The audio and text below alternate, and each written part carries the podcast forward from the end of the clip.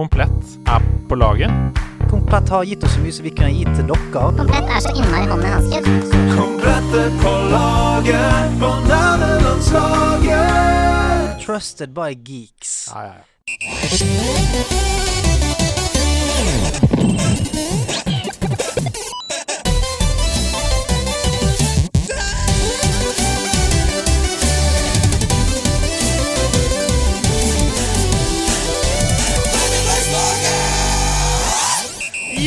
Hjertelig velkommen skal alle være til Nerdelandslaget! Det er tid for mer nerdegøy i din favorittpodkast. Jeg heter Sebastian Brynestad, og over bordet sitter det en røver med en Levis-logo med en sovende Pikachu på. Jeg snakker selvfølgelig om Andreas Hedemann.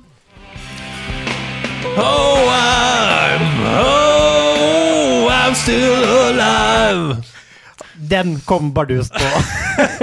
det, er, det er dagens catchphrase. eh, Rett og slett et rockeepos av det sjeldne. Hei! Forslag til catchphrase I, oh, I'm still alive. Framført som refrenget i Pearl Jams klassiker Alive. Eh, denne catchphrasen oppsto etter at jeg overlevde en intens slime climb level i Fall Guys. Eh, den passer i alle situasjoner der man har kommet gjennom en level, en boss eller andre nær game over-øyeblikk. Kjøttet går, pannekaken ruller videre. Hilsen Ingela og New Cape.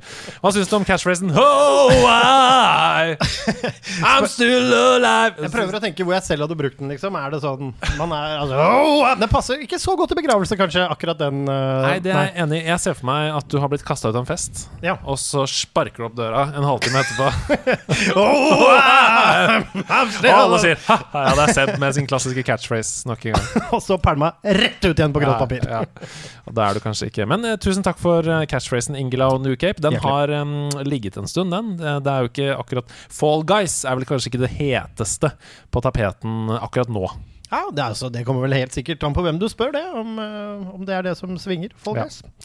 Eh, ok, det svinger ikke så godt for meg lenger, men for noen svinger det sikkert da, eh, fortsatt. Men, Evig unge folk, Guys. men apropos hva som svinger, åssen svinger livet om dagen? Har du det fint? Du, jeg har det fint. Det er eh, blytungt å være tilbake i eh, jobb etter sommeren, selvfølgelig. det er det, ass. Og etter et år hvor du har jobba mye hjemmefra, Ja. spesielt i innspurten inn mot sommeren, så det er rart å plutselig være oppe på kontoret og se ut som folk og sånn. Så jeg ser fortsatt litt ut som en slags uteligger-Jesus. Ja. Så jeg tenker å gå et sted og be noen folk Hjelp meg! Skal jeg rope inn på en frisørsalong. Åssen står det til med social skillsene? De, de er helt borte. Det er Snakke høyt og dårlig volumkontroll. Det er liksom sitter og så sitter på møterommet, og så plutselig glemmer du det og peller deg i nesa. Det, er, det er dårlig Spiser masse Det makrell i tomat i lunsjen og åpner sånn i åpent kontrollskap. utelukkende går rundt med en boks Banos til enhver tid og en Ja. spiseskje og lar det stå til. Men hva har du spilt i sommer? Det vet du hva, det skal vi snakke om senere. Det skal vi snakke om senere. Nå foregriper jeg. Spør hvordan jeg har det. Uh, Andreas, hvordan har du det? Du, jeg har det kjempebra. Kom veldig spontant og deilig. ja, jeg, jeg har det veldig bra. Det er um, deilig. Vi har hatt eh, foto av eh, leiligheten vår i dag, for vi skal selge leiligheten. Ja. Eh, og det er jo på en måte det første um, trinnet mot å um, bli ferdig med det å selge leiligheten. Ja. Det er liksom tre trinn. Det er foto, og så er det visning, og så er det flytting, rett og slett. Um, Ja, du må komme deg ut òg, ja. Det ja, er- ja, ja, ja. Men det er jo greit. Det er sånn Når du har solgt, så er det jo greit. Fordi da, har du, da kan du puste rett ut, og du har fått det du skulle ha. og sånne ting Men det er liksom foto og visning. Det er, så nå, ja, jeg står midt i det nå, altså. Men det var veldig deilig å bli ferdig med den foto. Og så Jeg bare tenkte, du, Jeg har tatt bilder av leiligheten for å selge den. Det hadde vært rart om du tok bilder av leiligheten for å henge det opp i leiligheten. Ja, det, ja, ikke sant? Så det ble en slags Det føles som en pleonasme. Ja, en slags dobbel leilighet. I stua så er det bare bilder av stua. Det er et metagrep som Ja. jeg liker. Det, det skal jeg ha nå. Nå, Fortsett. Unnskyld. Ja. Eh, jo, for jeg må også berømme, fordi i, i forrige episode, som var første episode denne sesongen, så eh, spurte jo Stian hva kan jeg bruke poengene som jeg har tjent opp i Kojima-koden, på. Og da klarte jeg å si jo, på slutten av sesongen så skal du bruke de poengene på å kjøpe pølser i Korv-Jima-boden, som jeg skal sette opp her. En slags pølsebod med, med, med pølser. Og det har kommet så mange fantastiske logoforslag denne uka til Korv-Jima-bodens logo. Den lever. Og du har jo sett noen av dem. Ja, det har jeg. Og og jeg må bare si dette må bli noe. Det må bli noe av dette. Fordi eh, altså Det er så mye bra. Ja, ja. Altså, det, hvorfor ikke Kor altså, Korvjima-boden? Jeg hadde spist utelukkende på Korvjima-boden hvis den var på Grünerløkka. Det er altså grafiske designere som har lagd eh, Korvjima-boden-logo på en slags um, eh, Korjima-boden, sånn takeaway-boks. Ja, jeg så den! Det så helt ekte ut! altså, først så tenkte jeg når jeg så det bildet i Finn, så tenkte jeg sånn Shit, her har noen allerede Lagd? altså, noen, har, noen har allerede startet Korvjima-boden! Ja. Vi er for seine. Men nei da. det er så Alt er nå klart. Nå trenger vi bare en investor. Hvis du lytter på Stein Erik Hagen, du liker jo pølse, kjør Ja. på. Men uh, nok om uh, våre um, uker, og ikke minst Korvjima-boden, for vi har jo en gjest i dag. Og du har jo uh, fått gleden denne uka av å uh, fordype deg i gjestens uh, bakgrunn. Det har jeg. Så um, take it away. Ukens gjest er født i hanens år 1993, eller mokasinens år, som de kalte det i hennes fødeby Trondheim. Her snakker vi en kreativ sjel av de sjeldne. Hun er utdannet ved selveste Academy of Art University i San Francisco, og har en fortid i det amerikanske spilldesignselskapet Synga Inc. Men vi kjenner henne best som prisbelønt serieskaper, forfatter og illustratør. Her snakker vi Pondusprisen, Arks barnebokpris og Barnas bokpris. Og nå også vinner av Nerdelandslagets pris for gjester vi gleder oss masse til å få inn i studio. Jeg snakker selvsagt om skaperen av den fantastiske Nordlys-serien, Malin Falk! Hjertelig velkommen! Hei, tusen takk. Bare hyggelig, bare hyggelig. Hva føler du nå? Er, det, er det riktig at 1993 var mokasinens år? i Hva betyr det? Det er en sko som dere bruker mye der oppe. Uh, ok. Jeg tror på det. er mest, er mest for menn, men det var mokasinens år 1993. Det var tett etterfulgt av skinnvestens og så senere karskensår. Eh, Det er da den trønderske kalenderen der, altså. Nok om Ja. den. Det er veldig hyggelig å se deg. Det er um, mange av våre gjester som har gleda seg Nei, våre lyttere som har gleda seg til du skulle være gjest, for jeg avslørte det inne på Discord-serveren vår eh, og på Patron litt tidligere um, denne uka. Eh, ah, hvilke forventninger har du? Nei, ikke så mye, egentlig. Nei. Eh, veldig kult å være her. Um, er det virkelig folk som forventer meg? Jeg syns det er litt rart.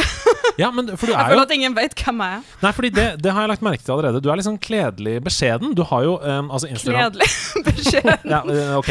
Det, det, det bare ramla ut av I, meg. mot, men- I motsetning til ukledelig beskjeden. Ja. Skulle ha hatt på meg litt Gucci og greier. vet da. ja, nei, nei, men altså for, um, Hva skal jeg si? Du, får, altså, du har en Instagram-konto, eksempel, med Mm. masse følgere.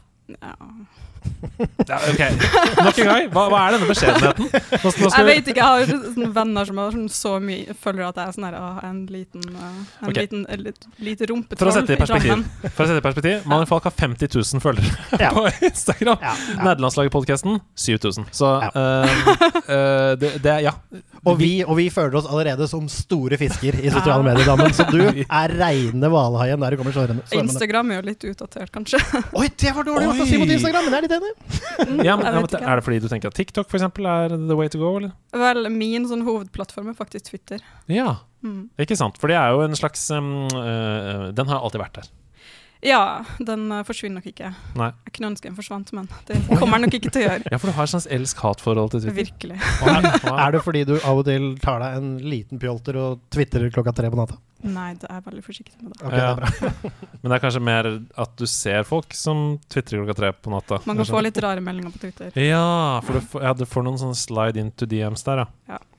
Kan vi, det må vi snakke mer om, Fordi det er jo, eh, det er jo faktisk et eh, Vi skal selvfølgelig komme Folk er veldig hyggelige på Instagram. Forresten, hvis, dere, hvis jeg skal si noe bra om Instagram, det er at folk er veldig hyggelige på Instagram. Har aldri hatt problemer der, for det meste.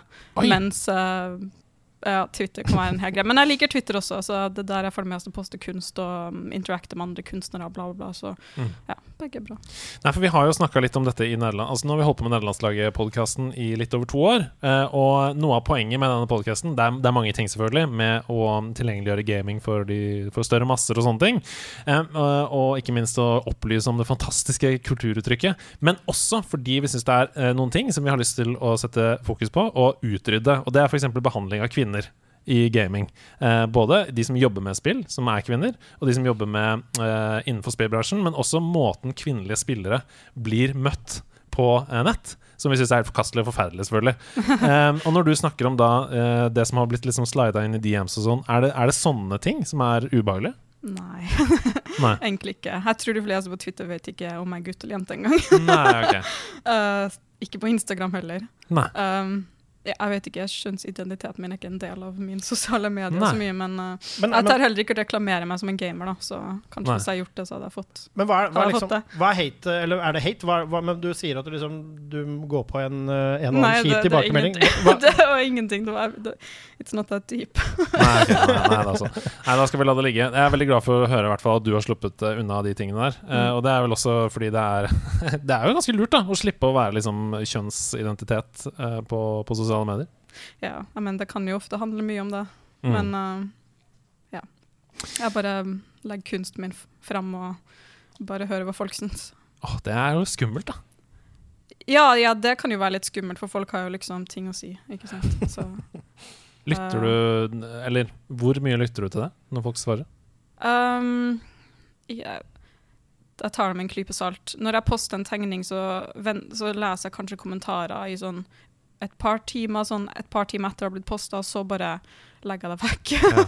Fordi jo lengre man lar en tegning ligge, jo verre blir kommentaren.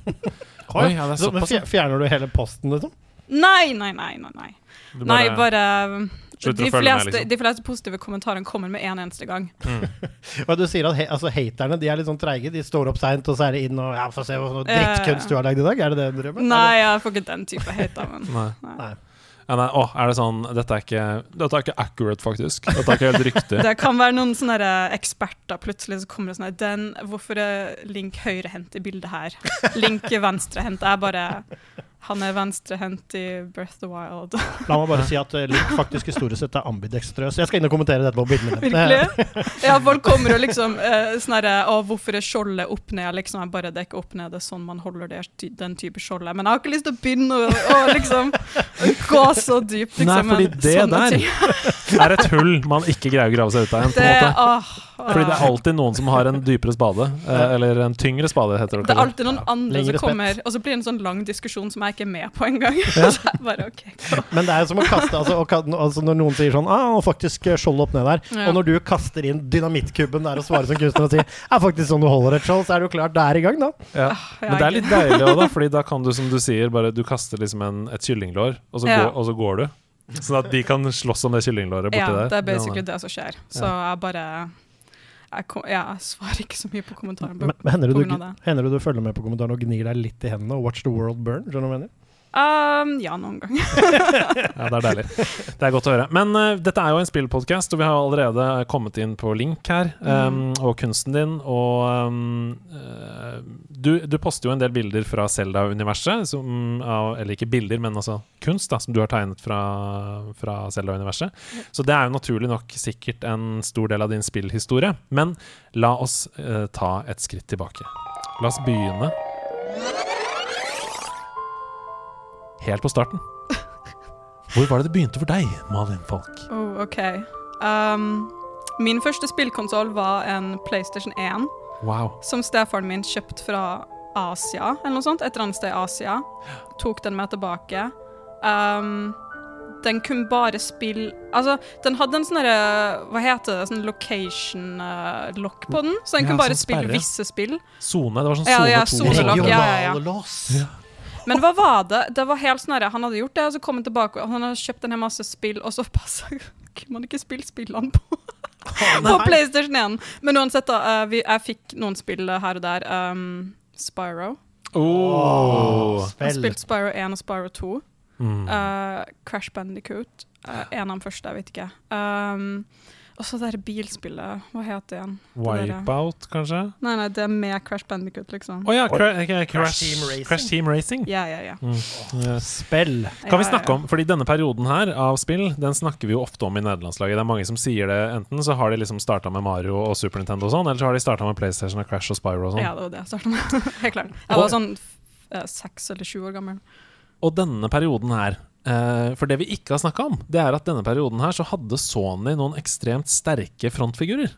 Altså Både Spyro og Crash er jo på en måte Mario og Pikachu. Skjønner du hva jeg mener? Altså Ja. Det er jo Ja. s- sterke figurer. Ja, ja, herregud.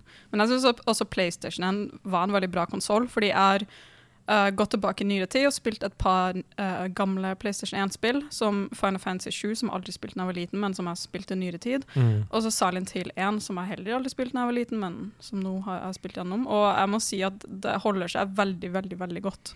Fakt, jeg vil ikke gjøre folk sur, men jeg syns PlayStation 1 uh, spiller bedre enn en Nintendo 64. Åh, Oi! Legger den på bordet! Men du, det er ikke så dumt, det, faktisk. Fordi For det første så Kom er etter, den kom etterpå. Har den litt ny teknologi? ja? For det første så er det jo en kraftigere maskin. Ja. For det andre så har den jo en eh, en brukbar kontroll. Altså, vi skal Ja, 1964, ja, det var gøy å spille med den kontrollen, men det er en grunn til at analogstikka var ødelagt etter seks måneder for alle som hadde den kontrollen. Altså, um, Spesielt hvis du hadde 1080 snowboarding. Det er også en grunn Eller Mario Party. Ja, Eh, det der, eh, det, hva heter det? Tug of War? Det er Ja. minigamet der. Nei, men, men um, eh, det er også en grunn til at de aller fleste moderne spillkonsoller er basert på en PlayStation 1-kontroll. ja.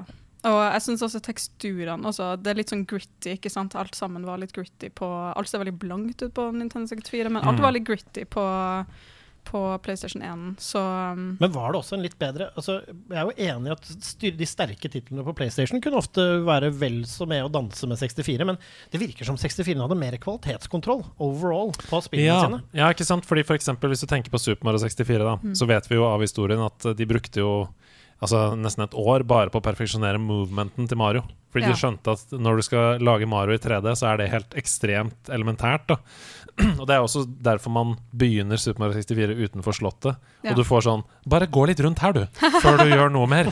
Fordi du må, du må bli kjent med det. det, liksom. det er jeg enig i. Uh, kontrollene på altså PlayStation har jo bare gjort uh, mye forskjellig med spillene, og det er veldig mange forskjellige typer spill. Final Fantasy 7 er jo liksom isometrisk. Og, Her må vi ta på flymodus. Ja. Det er første, første cancelling Ja, av eh, Altså, for med flymodus Jeg har ikke på flymodus, men det var ikke meg. Ja, nei, men herregud, den slipper du unna med. Populær, vet du. Her, eller var det haters fra Twitter? Det er det. Nei da, men det, det, dette går bra. Dette har skjedd både med programledere og gjester mange ganger før. Ja, ja, ja. Um, men, men jo, det var det jeg skulle si også. Um, vi snakker om PlayStation 1. Eh, Yes. den hadde jo ikke, den hadde jo ikke analogsticks, Nei. den første kontrollen. Nei, det hadde den ikke, og det visste jeg ikke før nylig. Nei, Nei fordi man Som er helt utrolig. Uh, for min hadde, min første hadde analog sticks. Ja, Så jeg visste ikke at den ikke hadde engang. Oh, ja, det var, en, var det egen kontroll i Asia? det kan det ha vært. Nei, jeg vet ikke, min, men min hadde iallfall um, Men, men det kom vel? Jo, det det? kom, det kom. Jeg tror min var en Ja. litt seinere modell. Ja. Ja. Så- Fordi den jeg, den jeg åpna på min eh, julaften når jeg fikk min, den hadde vel bare den kjipe, gode gamle Eller altså D-paden? den- ja. Den er kjip, ass. Ja, den, ja. Altså, For den er old school. Så jeg, et annet spill jeg spilte når jeg var Altså når jeg var bitte liten, var um, Harry Potter 1, altså på PlayStation. Uh, det beste, beste, styggeste spillet i hele verden. Nice earmuffs, Potter. det beste memen ever. ever. nei, nei, nei. Jeg, har, den- jeg hadde på norsk. Uh, og det, alle snakka norsk. Alt var helt, helt grusomt. ørepynt, Potter. Jeg husker ikke Altså, jeg tror jeg kan hele greia utenat. Men um, Jeg gikk, jeg gikk i klasse med han som spilte Ron i Nei, det spillet. virkelig? Ja, det gjorde Oh my faktisk. god. Du kan hele utenat. Kan kan vi få et lite utdrag? Kom igjen, kom igjen. Du hørte det her? OK, vi synger. Gå hjem til mora di, Potter. Å ja! Du har ikke noen! Det var det Draco sa til Harry. Å ja! Du har ikke noen! Det er den beste insulten jeg har hørt i hele liv. Wow. Og så altså Nilius Jeg søte padda mi Tristan. Hva, hva sa du? Det, heter padda si ai, så heter padda mi Tristan. Så heter padda mi hva for noe? Padda mi Tristan. Padda mi Tristan. Det, var Det også, padda heter. men, men det hørte Husker jeg riktig, eller hørtes det også litt ut som uh, voice-arbeidet var gjort gjennom en gammel raggsokk? Hva var det litt sånn? Hva husker jeg feil? Det var veldig mye sånn ambient lyd i hele spillet generelt, så hele greia var bare sånn her masse sånn lyd i bakgrunnen. Altså, spillet er sånn skikkelig skummelt. Det er sånn masse rare lyder du ikke vet kommer fra alt. Det er sånn altfor høyt. Det er sånn creepy. Det er ingen musikk for det meste, så du bare springer gjennom sånne haller og hører sånne ambient sounds, og det, Men, det er men creepy.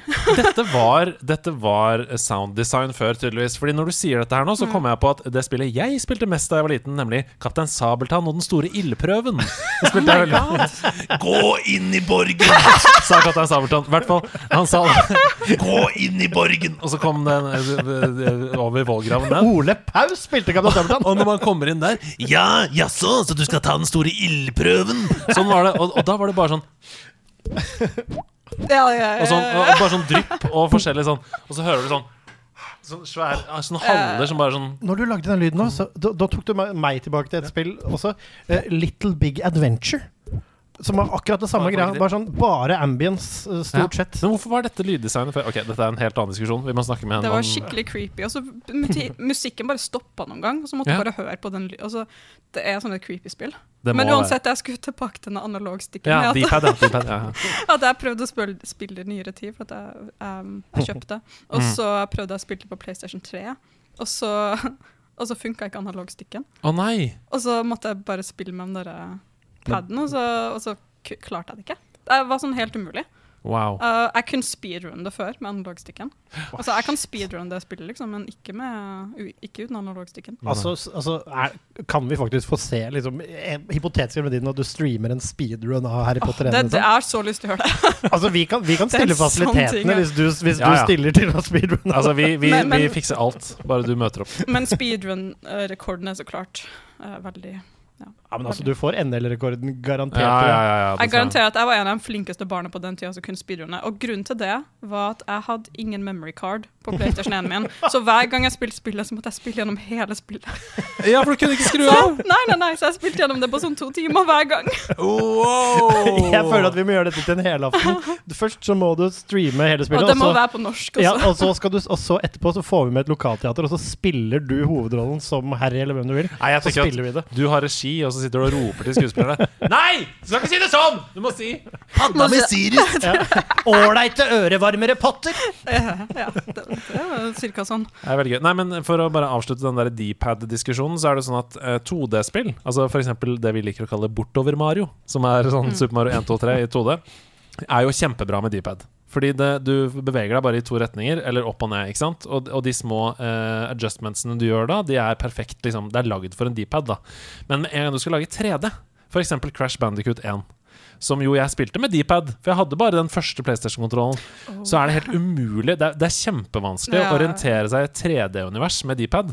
Eh, eh, og det gjør jo Crash Bandicoot 1 til et kjempevanskelig spill. F.eks. når du skal hoppe på sånne lillypads i vannet, og så skal du prøve å treffe de forskjellige med D-pad, og så skal du hoppe i dybde innover i bildet. Det høres ut som Marit. It is difficult! Det er vanskelig. Men, Ja. men etter da PlayStation 1 Du har nå liksom Den begynner å Det går noen år. Du har da lært av speedrunne dette spillet, og du begynner å bli litt lei. Hvor går veien videre nå i gamingen? Uh, jeg tror min neste konsoll var en DS. Ja! Ja. Åh, DS, ass. Jeg, em, faktisk, til dags dato, den mest solgte spillkonsollen noensinne, tror jeg. Oh. ikke så rart. Um, mm, hvis du tar med håndholdte, da. Eh, uten håndholdte så er det PlayStation 2. Men ja, jeg skal bare dobbeltsjekke de tallene mens vi snakker. Og hva var, hva var høydepunktet ditt sånn gamingmessig på DS-en? Husker du? Uh, det var faktisk der jeg spilte mitt første Zelda-spill, som var Zelda Phantom Hourglass.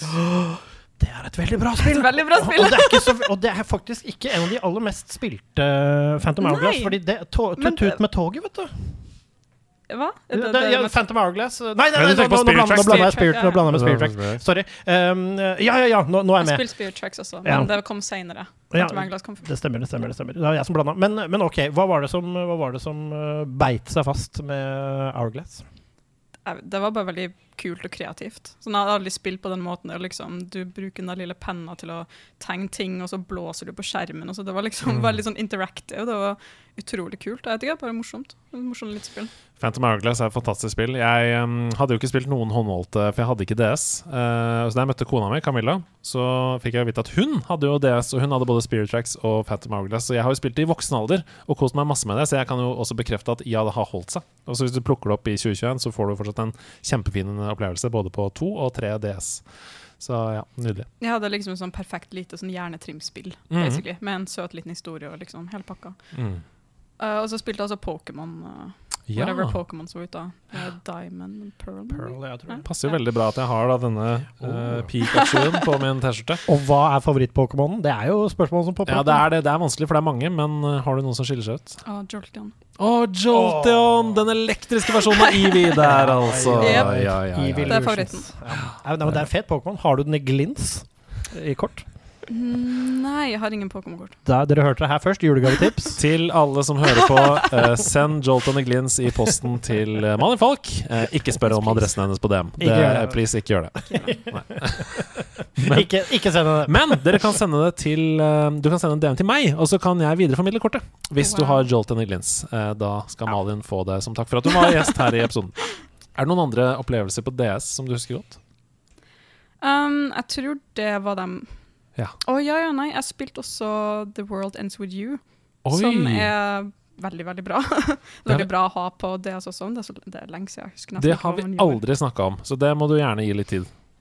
Uh, Er det, sånn, er det et sånt WarioWare-spill? Er det sånn at du må gjøre små oppgaver innenfor en tidspunkt? Ja, du liksom Du går liksom rundt i Shibuya i Japan og, og slåss mot sånne derre monster eh, Jeg vet oh, ja. ikke, er det litt som Kingdom Hearts nesten?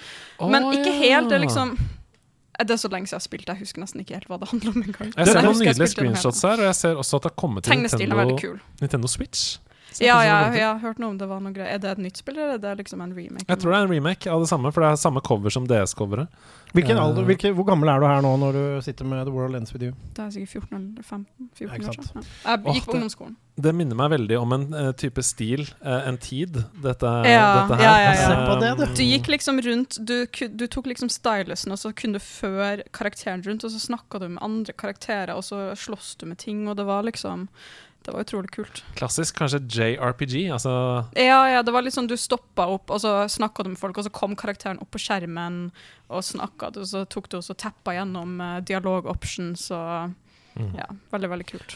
Vi må det- hoppe litt tilbake, fordi, Ja. fordi eh, du sa bare i en bisetning i stad Final Fantasy 7. Ja. Og vi får en del sinna-mail fra folk som mener at vi ikke snakker nok om Final Fantasy 7. Oh, jeg Spesielt er her også for å snakke om det i så fall. Jeg elsker Final Fantasy 7. Spesielt Denne går til deg, Punti. Eh, spesielt etter at vi eh, også eh, hadde remaken eh, nå nylig. Men fortell. Final Fantasy 7, eh, 1, hva gjorde det med deg og for deg? Og to, hva er det som gjør det spillet så bra?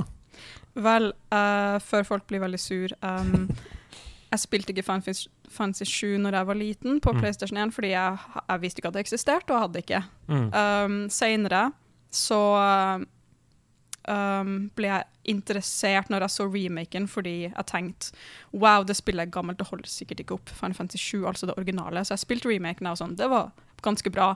Og så plukka jeg opp Final Fantasy 7 til Switchen, Mm. og det var mye bedre enn remaken. Og jeg Mm. elska det. Og jeg følte meg tom når jeg var ferdig med å spille det. Um, og jeg, bare, jeg kunne ønske jeg hadde en tidsmaskin der jeg kunne gå tilbake og plukke det opp når jeg var liten og spille da, men jeg vet at jeg hadde blitt stuck med én en eneste gang. For jeg var stuck med en eneste gang som voksen når jeg spilte gjennom hele. Jeg må, må ta en walkthrough for det meste. Ja, det er komplisert. det er kjempevanskelig. Ja. De sier ikke der hvor du skal gå, hva du skal gjøre. Det må du bare finne ut av sjøl. Mm. Jeg har hørt liksom historier om unger som liksom har brukt flere år på å gjøre det ferdig, eller ikke gjort det ferdig. De er nødt til å ha guiden. Uh, men det var en helt utrolig kul opplevelse. Jeg kan forstå Jeg kan se hvorfor folk liker det så godt. Sånn 100% Det er en sånn, et spill der er sånn her, Det her er ikke overhype engang. Det er bare så bra. Ja, Mm. så det er jo, det er jo vi, vi har jo snakket noe om det i poden, men det er, jeg er jo litt sånn enig med deg. For det er jo en av de absolutt største spillklassikerne gjennom tidene. Det var jo en av de første gangene vi ble fortalt en så Altså, altså den, den legendariske scenen, uten å spoile det totalt, da, Mm. men hvor Mm. tårer Hvor liksom hvor folk over det ganske verden Dude, jeg gråt. grein. Jeg visste at det kom, og jeg grein. Fordi jeg OK, jeg vil ikke spoile det. Det det er en grunn som gjorde det verre enn jeg egentlig trodde det kom til å bli. Mm. Um, men ja, uansett, uh, jeg grein. Ja, jeg grein Ja. på den tida. Men det er det som er så fint med Final Fantasy 7, synes jeg, i forhold til Altså, når det gjelder Jeg er ikke sånn kjempestor fan av Final Fantasy-serien, fordi uh, Altså alle spillene, fordi um, det er veldig forvirrende, syns jeg. Mm. Veldig mye sånn rare karakterer, rare ting som skjer. Og det, det er kult også, men Final Fantasy 7 føler jeg er veldig grounded. Det er mye mer grounded enn folk tror, Mm. uh, hvis de ikke har spilt gjennom det. Um, så jeg føler det er derfor folk liker det bedre enn de andre, kanskje. Har, har, du spilt noen, altså, av interesse, har du spilt noen flere Final Fantasies etter det, eller før det? Eller? Um, jeg har sett på et par walkthroughs av noen av dem, bare for å se om jeg var interessert nok til å prøve å spille dem, eller sette inn 40 timer i dem. Ja, ja, ja. Spillene for dem, det er lange spill. Ja, det er lange spill. um, Fordi i motsetning, i motsetning til altså, eller i, Selv om det er noen scener som ikke Eller noen deler som ikke nødvendigvis er støpt, så, så er faktisk Final Fantasy 10 også et ganske bra spill. Ja, det er jo Stians favorittspill. Så det vil jeg anbefale, det, Mm. hvis du ikke har spilt det. er, er det med Det er Titus. Når han ler Oh my Det god! Det var helt det var akkurat sånn han ler. Jeg er ganske god på Har du Ja, den sitter, den. Wow! OK, ja, det, det er ca. den scenen jeg vet om fra det spillet. Men Um, den, den, den, den- scenen og et par andre Den ødelegger veldig. Men du kan spille, den på, du kan spille spillet på sitt originale språk, og det inneholder utrolig mye kult. Det er. Altså, det ser, altså, jeg syns til og med Final Fantasy 8 ser også interessant ut. Jeg syns flere av dem ser interessant ut. Ja. Um, det skal noen ganger litt til før jeg blir helt oppslukt av et spill, sånn som jeg ble med Final Fantasy 7. Final Fantasy 7, det er jo mange som mener, eh, hvis vi ser tilbake på historien, at det var det spillet eh, i seg selv som gjorde at RPG-sjangeren fikk fotfeste i Vesten. Um, uh, det kom jo, kom jo fra USA, nei, fra Japan, Mm. og, og fikk da fotfeste i USA med det, som var vant til sånn action-skytete spill uh, på den tiden. Og endelig fikk de litt mer mm, food for thought. I Det, ja, men det virker litt mer sånn retta mot sånn western, liksom. Mm. The western audience. Akkurat det spillet, syns jeg. Mm. Bare med sånn øh, Ja, jeg føler, jeg føler nesten at det er noe som kunne ha blitt laga i Amerika. Så klart kunne det ikke det, fordi det Mm. Du merker jo så klart at det er Japan som har laga det. Men uh, Det, er, det er noen øyeblikk hvor du, hvor du kan Mm. skimte Japan gjennom Nei, sier du det? faktisk mer uh, ja, mm. Ja. På ja, mm. Husker du den dag i dag? Kan du, kan du synge fanfaren når du vinner en kamp? Har du den inne?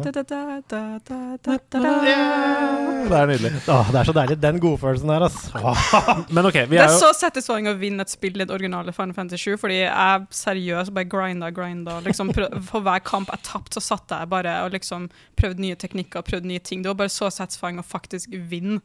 Og, og så liksom åh, Ja, det var alltid sånn Jeg var alltid nær med å dø hele, hele Mm. spillet. Altså, det, var, det, var et livsvar, det var et livsvarlig spill hvis du, ikke, hvis du var litt klønete. kunne bli stuck. Ja, Du du kunne save, du kunne save Ja. deg til fant, rett og slett. Altså. Jeg, jeg holdt på å gjøre det så mange ganger. Jeg måtte faktisk backtracke et par ganger også. Det er sånn her, vet, du hva, hvis jeg bare Og så fikk du eh, Det var også randomized noen gang hvilke sånne her, um, ting du plukka opp, potions og sånne ting. Mm. Så noen ganger så var det bare sånn her Oh, please, please, få en potion her. Please, please, please, please. Det eneste som kan redde meg nå, liksom. Hvis ikke må jeg backtracke en halvtime. Det gidder jeg ikke. Får jeg ikke en Phoenix down nå, så er det slutt! Sier jeg, det er slutt!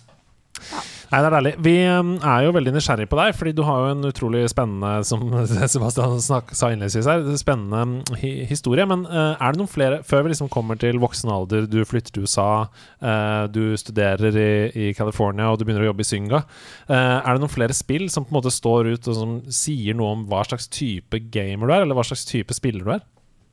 Vel, ja. Jeg fikk en uh, Wii etterpå. Eller jeg kjøpte en Wii fra noen, en brukt Wii. Uh, Ja. Og, um, og da var det første spillet jeg hadde lyst til å spille, uh, Twilight Princess. Zelda Toilet Twilight Princess. Ja, ja. Og det var nok mitt første sånn herre oh, jeg elsker Zelda, liksom. Ja. um, ja, og Green of Time var ikke mitt første. Jeg hadde aldri en 64. Det er derfor. Uh, Mm. Twilight Princess var mitt første 3D-Zelda-spill. Um, eller telles det spillene som 3D? Nei, de gjør kanskje ikke Neida. ikke. Ikke på den måten. Nei, Nei, men Twilight Princess var i hvert fall mitt første, og jeg elska det. ikke sant? Jeg bare Mm.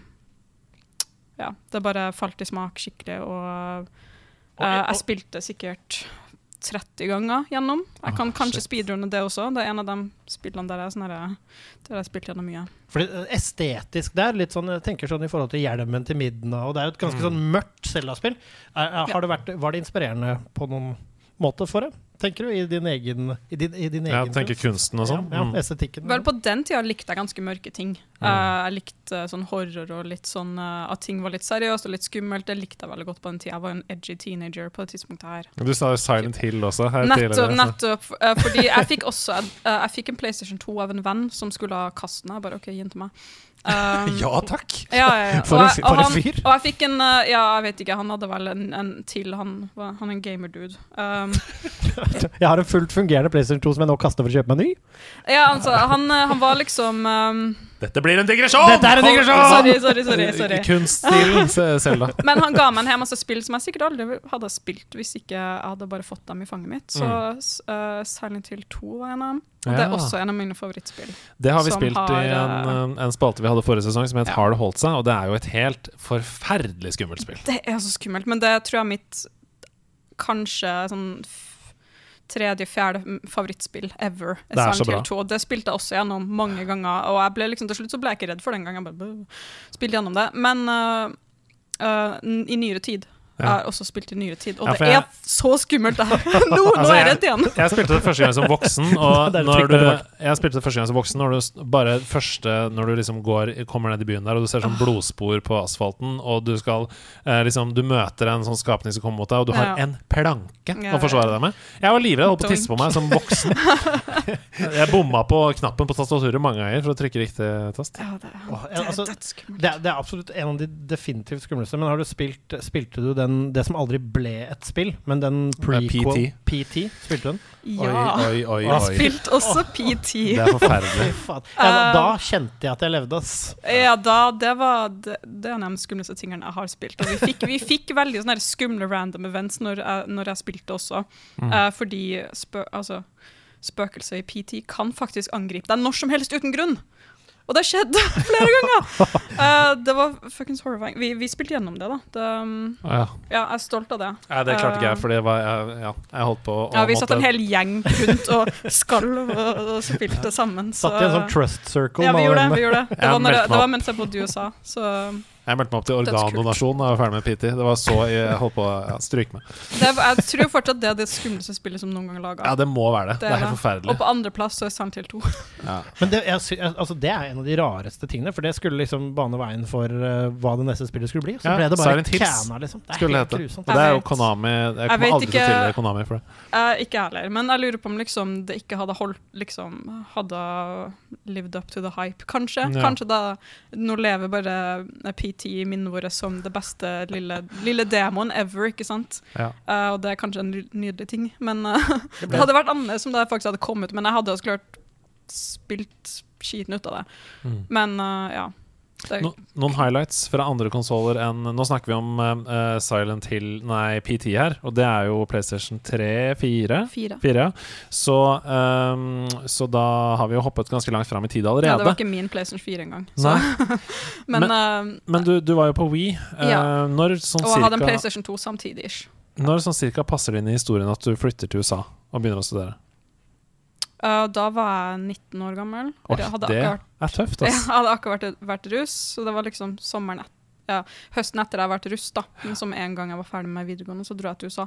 Men før da så spilte jeg veldig mye på PC. Da ble Ja. jeg en sånn PC-spillerperson, så da spilte jeg sånn masse online-spill og, Ja. og ja.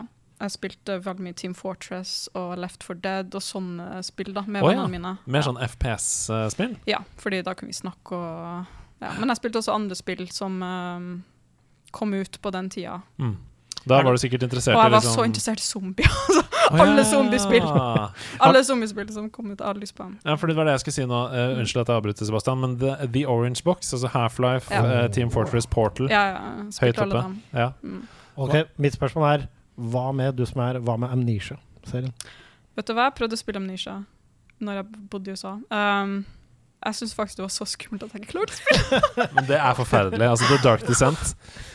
vi, vi spilte Amnesia The Dark Descent på 50-timer-streamen Det var så skummelt. det er helt Det er horribelt. Ja, jeg kom, jeg kom seriøst ikke Eller kanskje jeg begynte når jeg gikk på videregående, jeg meg om, men eh, jeg, det var så skummelt at jeg ikke um, Jeg, kom, jeg tror jeg kom en halvtime inn, og så ga jeg opp. Mm. Jeg har, jeg har personlig, jeg, personlig så har jeg runda det. Gikk inn, for, gikk inn for det. Var alene hjemme i guttekollektivet jeg bodde i på den tiden. Fyra det opp. Og det er et spill jeg etter det ikke plukka opp igjen, Fordi det er jo bare, det er bare tortur. Ja. Ja.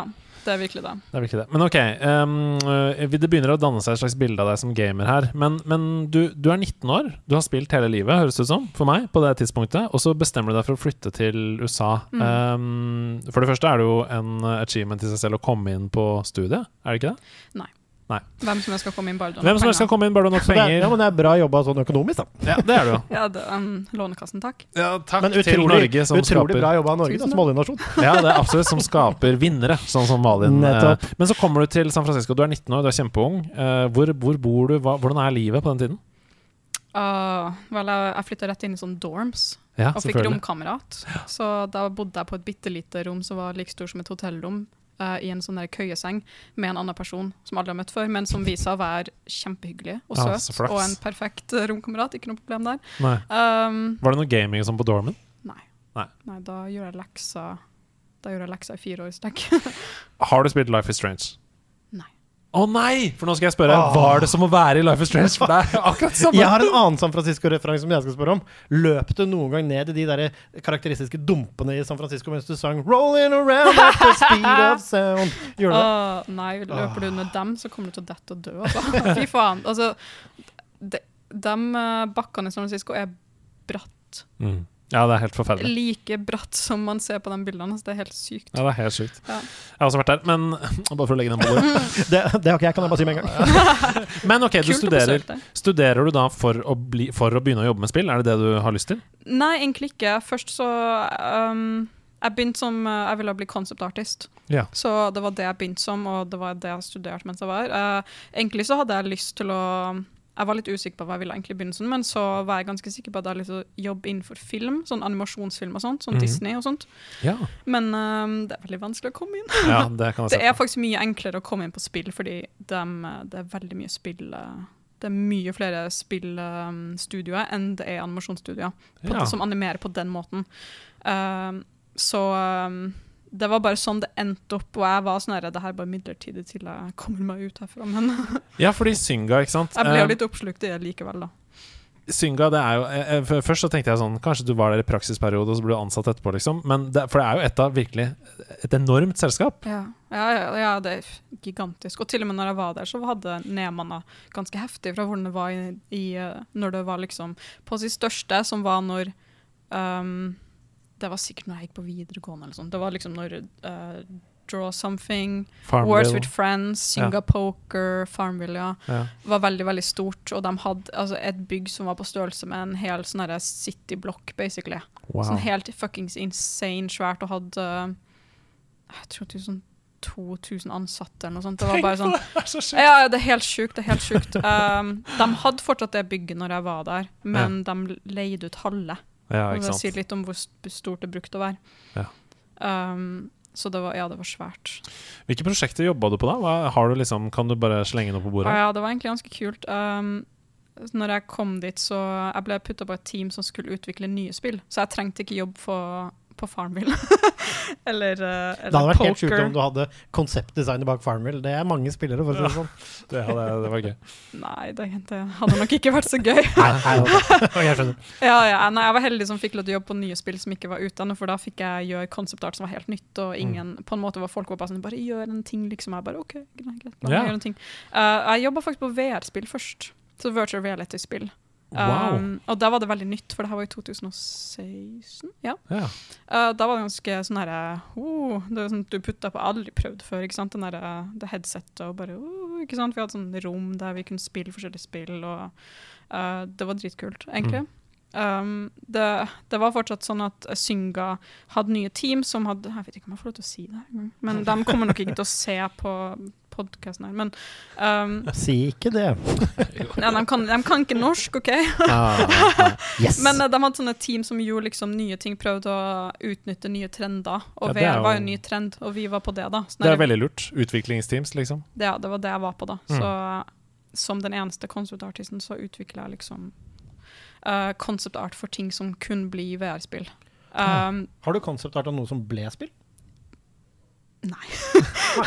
fordi hver, det er en av grunnene til at jeg ikke likte å jobbe der. Hver gang vi hadde jobba et par måneder på et spill, så kom de på dagen og bare sa ja, det er avlyst. Ja. Um, It's cancelled. Jobb på noe annet. Og vi Oi. var bare sånn «Å, Oi. Så Ja, det- det- børste, altså, børste vi bort det det, og så Det er jo, pri, altså det er jo medaljens bakside med å ha en hel blokk med 2000 ansatte. Skjønner du jeg mener? At det er mye som skjer, og mye som blir canna. Ja, ja. Skyter med masse. hagle, liksom. Og spesielt hvis du er et nytt team som jobber på nye ting. Uh, Synga fant ut at det var mye bedre å bare bruke deres cash cow, som er Farmville, og, og Synga Poker, Mm. istedenfor å prøve å liksom konkurrere med dem som lager nye spill. Mm. De ville egentlig bare prøve å lage nye altså, De ville bare hoppe på trender som de kom, som f.eks. når Pokémon Go kom ut. Da ville de lage et Pokémon Go-spill. Ikke Pokémon, Ja. men med noen annet. ikke sant? Synga Go! Samme, ja, i, i, I samme formatet. Så da ble vi putta på det. da, Så plutselig ja, satt jeg der og prøvde å lage en Pokémon Go-klone, og så ble det eh, avlyst en måned senere. Og så ville de, det var helt sånn kaos. Jeg var redd for å få sparken hver dag. liksom. Oi, for jeg var så redd for at de ikke skulle ha bruk for meg noe mer, for det virka som Altså, når jeg da Når jeg var ferdig der, så tror jeg bare det var to stykker fra det originale teamet mitt som fortsatt var der. Alle andre hadde fått sparken. Åh, shit. Det Det, var er en angstfølelse, Jeg hadde megaangst, for hvis jeg hadde fått sparken, så hadde jeg Jeg vet ikke om jeg hadde fått blitt i USA. Nei, for det er jo visum og sånn, ikke sant? Og, ja, Og- og mitt visum var liksom i um, in the process, det var ikke helt ferdig, så jeg var liksom ikke Jeg var ikke sikra det. Jeg hadde ikke noe skole noe mer. Jeg bare sånn Oh my god, å, det var så fælt. Åh, shit, det høres veldig forferdelig ut. Um, og veldig amerikansk, da. Ja, at, veldig amerikansk. at man bare kan få revet beina under fundamentet, liksom. Å ja, eh, ja, med en gang. med en. Altså, herregud, jeg, det var folk som ble sparka som um, ble sånn dritsur, liksom. De ble sparka på dagen og bare sånn det her er bullshit, bare kast ting. Og det var skikkelig sånn herre Altså takke seg til han, han duden kom i fengsel et par år senere. Uh, for å ha nesten slått kona si til døde. Nei, nei, nei! nei, nei, nei. Altså, her tar en sving! sorry. Jeg, sier ikke, vel, jeg sier ikke hvem det er, bare sier at det var liksom um, Det var kanskje Det sier kanskje litt mer om han enn Synga. Ja, men arbeidsmiljøloven var ikke 100 på plass, eller? Han, han var lederen for teamet vårt. Altså, han, okay. fikk, han fikk sparken på på hjemmefronten, da nå? Reagerte ikke pent. der, Dere kanskje? hørte det her først. Men én ting før vi går videre fra Synga. Uh, kan du be av Be eller avkrefte, eller svare ingen kommentar til følgende påstand som jeg kommer med nå. Okay. Fikk du noen gang et tidspunkt uh, et spørsmål om å designe noe som kunne eh, føre til flere mikrotransaksjoner? Ja. Oi, oi, Alle ryktene er sanne! Jeg mistenker Å oh, ja, det var alt de plotta hver dag. Men det var han fyren som drepte kona si. Det mistenker jeg. At det var han som ba om. Han drepte ikke kona si! Nei, men det var nesten. nesten, Det var ikke- nesten. Åh, men nesten river ingen mann av. Nei, nok om Ok, ok, dette er sjukt. Vi må tilbake til noe mye hyggeligere, for du tok jo selvfølgelig turen hjem. Du sitter her sammen med oss nå, og det er vi veldig glad for. Her er du. Her har Angrer du vi ikke litt? og, og, og, jeg vil også si letta, nå som jeg har Ja, hørt historien. eh, og- Veldig letta. Vi har Lånekassen å lene oss på. Vi har et system som fanger deg opp dersom eh, ting går dårlig. eh, og du har ikke en mellomleder som slår sine nærmeste. Mm. Eh, men Og så akkurat når jeg tar slurk av Pepsien. Men Nordlys, du må Ja. fortelle litt om Nordlys før vi går videre. Hva er ideen? Og det har jo blitt en kjempesuksess. Veldig mange av våre lyttere som refererer til det og sier at de leser det både for seg selv, men også sammen med barna sine osv. Ja, um, jeg lager noen tegneserier som heter Nordlys. Um, den begynte jeg faktisk på mens jeg bodde i USA, Ja. som et skoleprosjekt.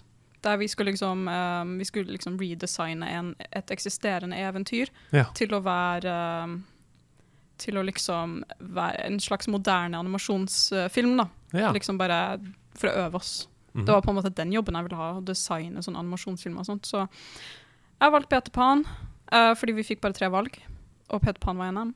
Så um, jeg omdesigner det til å bli sånn nordisk, ja, ikke sant? Mm. Ja, ja. sånn som det er, hvis folk har sett Nordlys, så skjønner de hva jeg mener. Um, og når jeg var ferdig med det prosjektet, så hadde jeg bare veldig, veldig lyst til å fortsette med det, fordi jeg syntes det var en god idé. Ja, så følte du kanskje at det var flere historier i universet. Og det er jo sånn, Når man er en skaper, da, Ja. eh, så er det sånn Ja, men det er ikke, jeg er ikke ferdig her. Det er jeg, mer å hente. Liksom. ja, og jeg var liksom um, Jeg hadde allerede lagd tegneserier før. Når jeg gikk på videregående, så laga jeg en webkomikk om zombier. Som sagt, jeg var veldig zombieinteressert på den tida. Spilte alle zombiespillene og jeg så litt zombiefilmene. Og det var liksom Det var sånn høyden av zombie-crazen. Altså. Det var sånn 2009-2010. Ja. Um, det var før Walking Dead kom ut en gang. Men um, det var liksom Zombier var all the rage da. og jeg, jeg red den bølgen, altså, med min zombie-webkomikk. og- Så ja, så jeg har liksom alltid likt å lage tegneserier. så- Men det var ikke, nor det var ikke norrøne zombies? Nei. Nei, det var vanlig. Vestlig. Det var faktisk satt i USA, som var ganske dumt, for jeg kunne ingenting om USA. Det var før jeg bodde der. Er så jeg, alt var feil. Ja. Jeg var sånn her, Hvilken by er det? Jeg vet ikke. Uh, hvor, uh, hvordan ser det ut i USA? Jeg sjekker Google Images. Altså, det, jeg, kun- jeg kunne ingenting om USA. Vi er i Detroit, fjellbyen! Ja, ja, ja. Det var nesten sånn det var. Ah, Rocky Mountains, Detroit. Ja, det var Jeg, jeg, jeg var sånn her, OK, det er sett i Los Angeles, whatever. Å ja, helt, helt Ja. sånn søt- Ja, det var Ah, da, da var jeg, jeg var 17 år gammel. Da, Mm.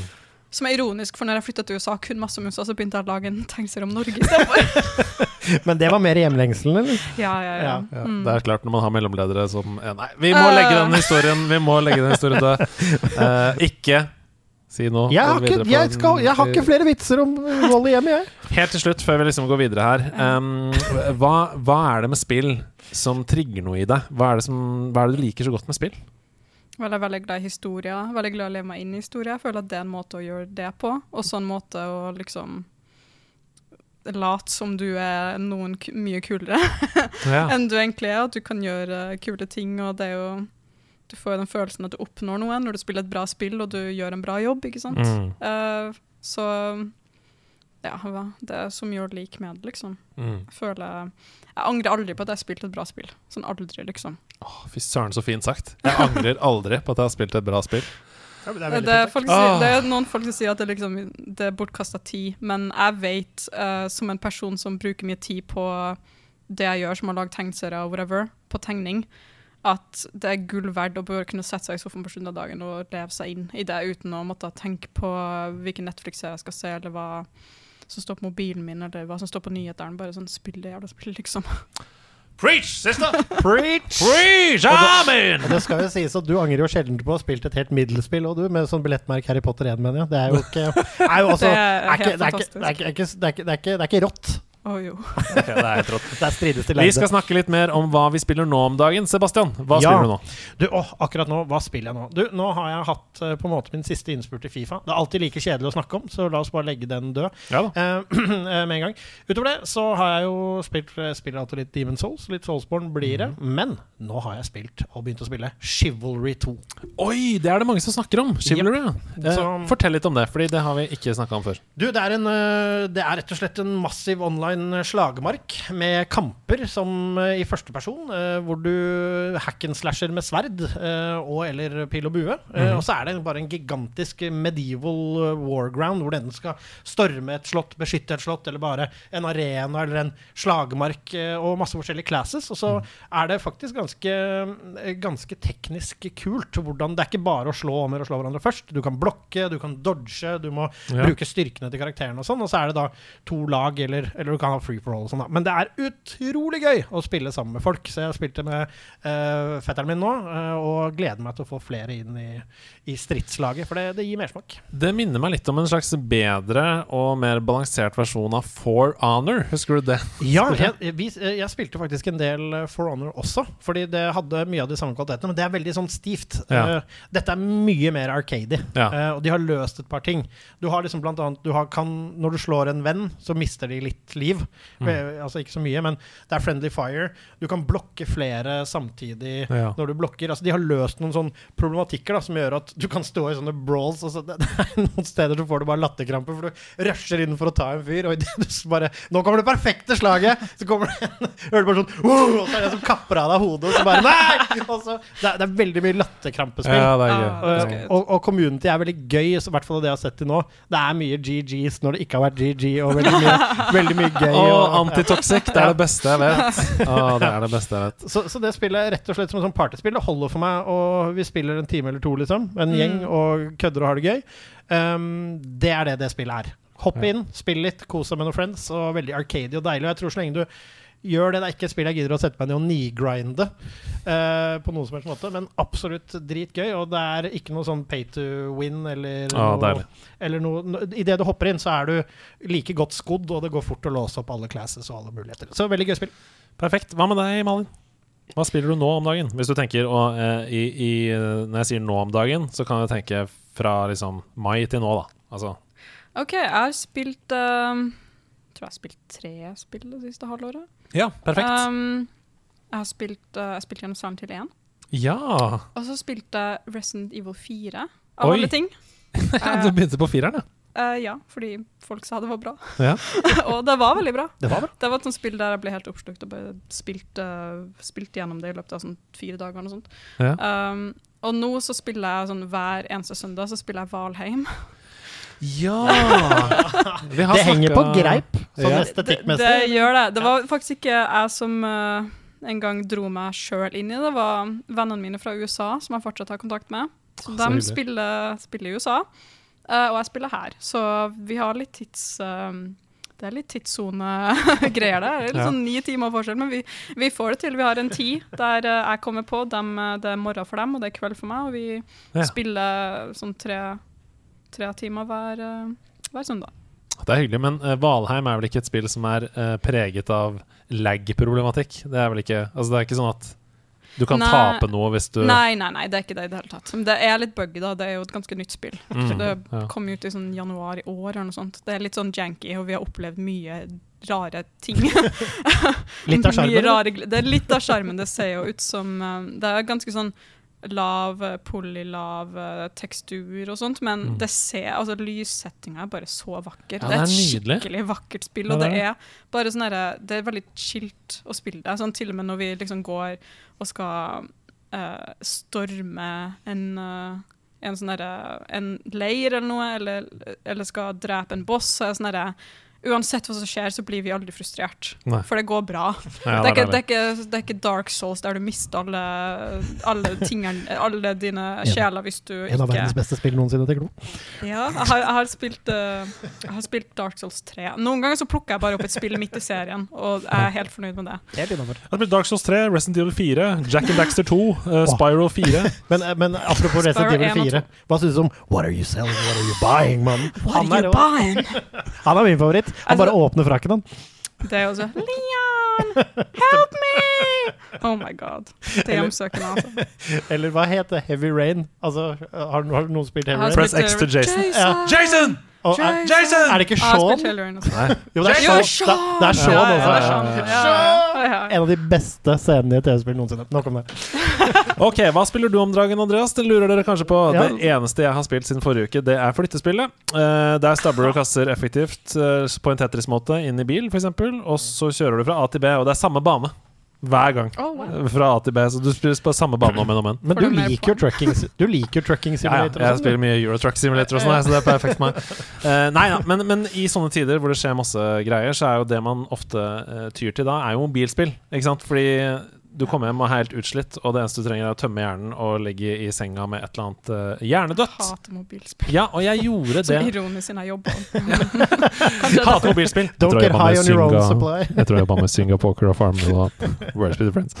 Um, så etter at jeg lagde Sidequest med Ida uh, om PopCap denne uka her, um, Ja. så har jeg blitt helt avhengig av Peggle på nytt. Ja, Peggle. For et spill Peggle er! Hæ? Vi har mistet Hedo, dere. Dere hørte det her først. Nå er det bare Peggle herfra ut. Peggle er jo et spill der du spiller sammen med Bjørn. De, det, det, er en sånn Det er en sånn eh, enhjørning som heter Bjørn. Okay. Um, og så skyter du ut baller fra toppen av en bane, og så skal de treffe sånn bling, bling, bling, bling, bling, bling, bling, bling mange Aha. forskjellige ting før du um, bruker én ball, på en måte. Altså det er en slags flipper uten flipper. Okay. Greier. Uh, og så eh, har det Hver bane er mange forskjellige dots, blå og oransje, og så må du fjerne alle de oransje for å komme videre til neste bane. Eh, og jeg spilte dette masse på iPad eh, for lenge siden. Eh, men så er det jo ingen som spiller på Eller jeg har jo ikke iPad lenger, og Peggle er også borte. Eh, men så fant jeg Peggle på Xbox GamePass. Åh, Og etter at jeg testa det på Xbox GamePass, så måtte jeg laste ned det som nå fins til IOS, som er Peggle Blast. Um, som dessverre er fullt av mikrotransaksjoner. ja, for det er det samme som du har så mange liv, og så må du vente så og så lenge. ja, absolutt. Oi. Men da er du bare ikke død, da. Sånn som jeg er. Ah, Snikskryt! Peggle champion!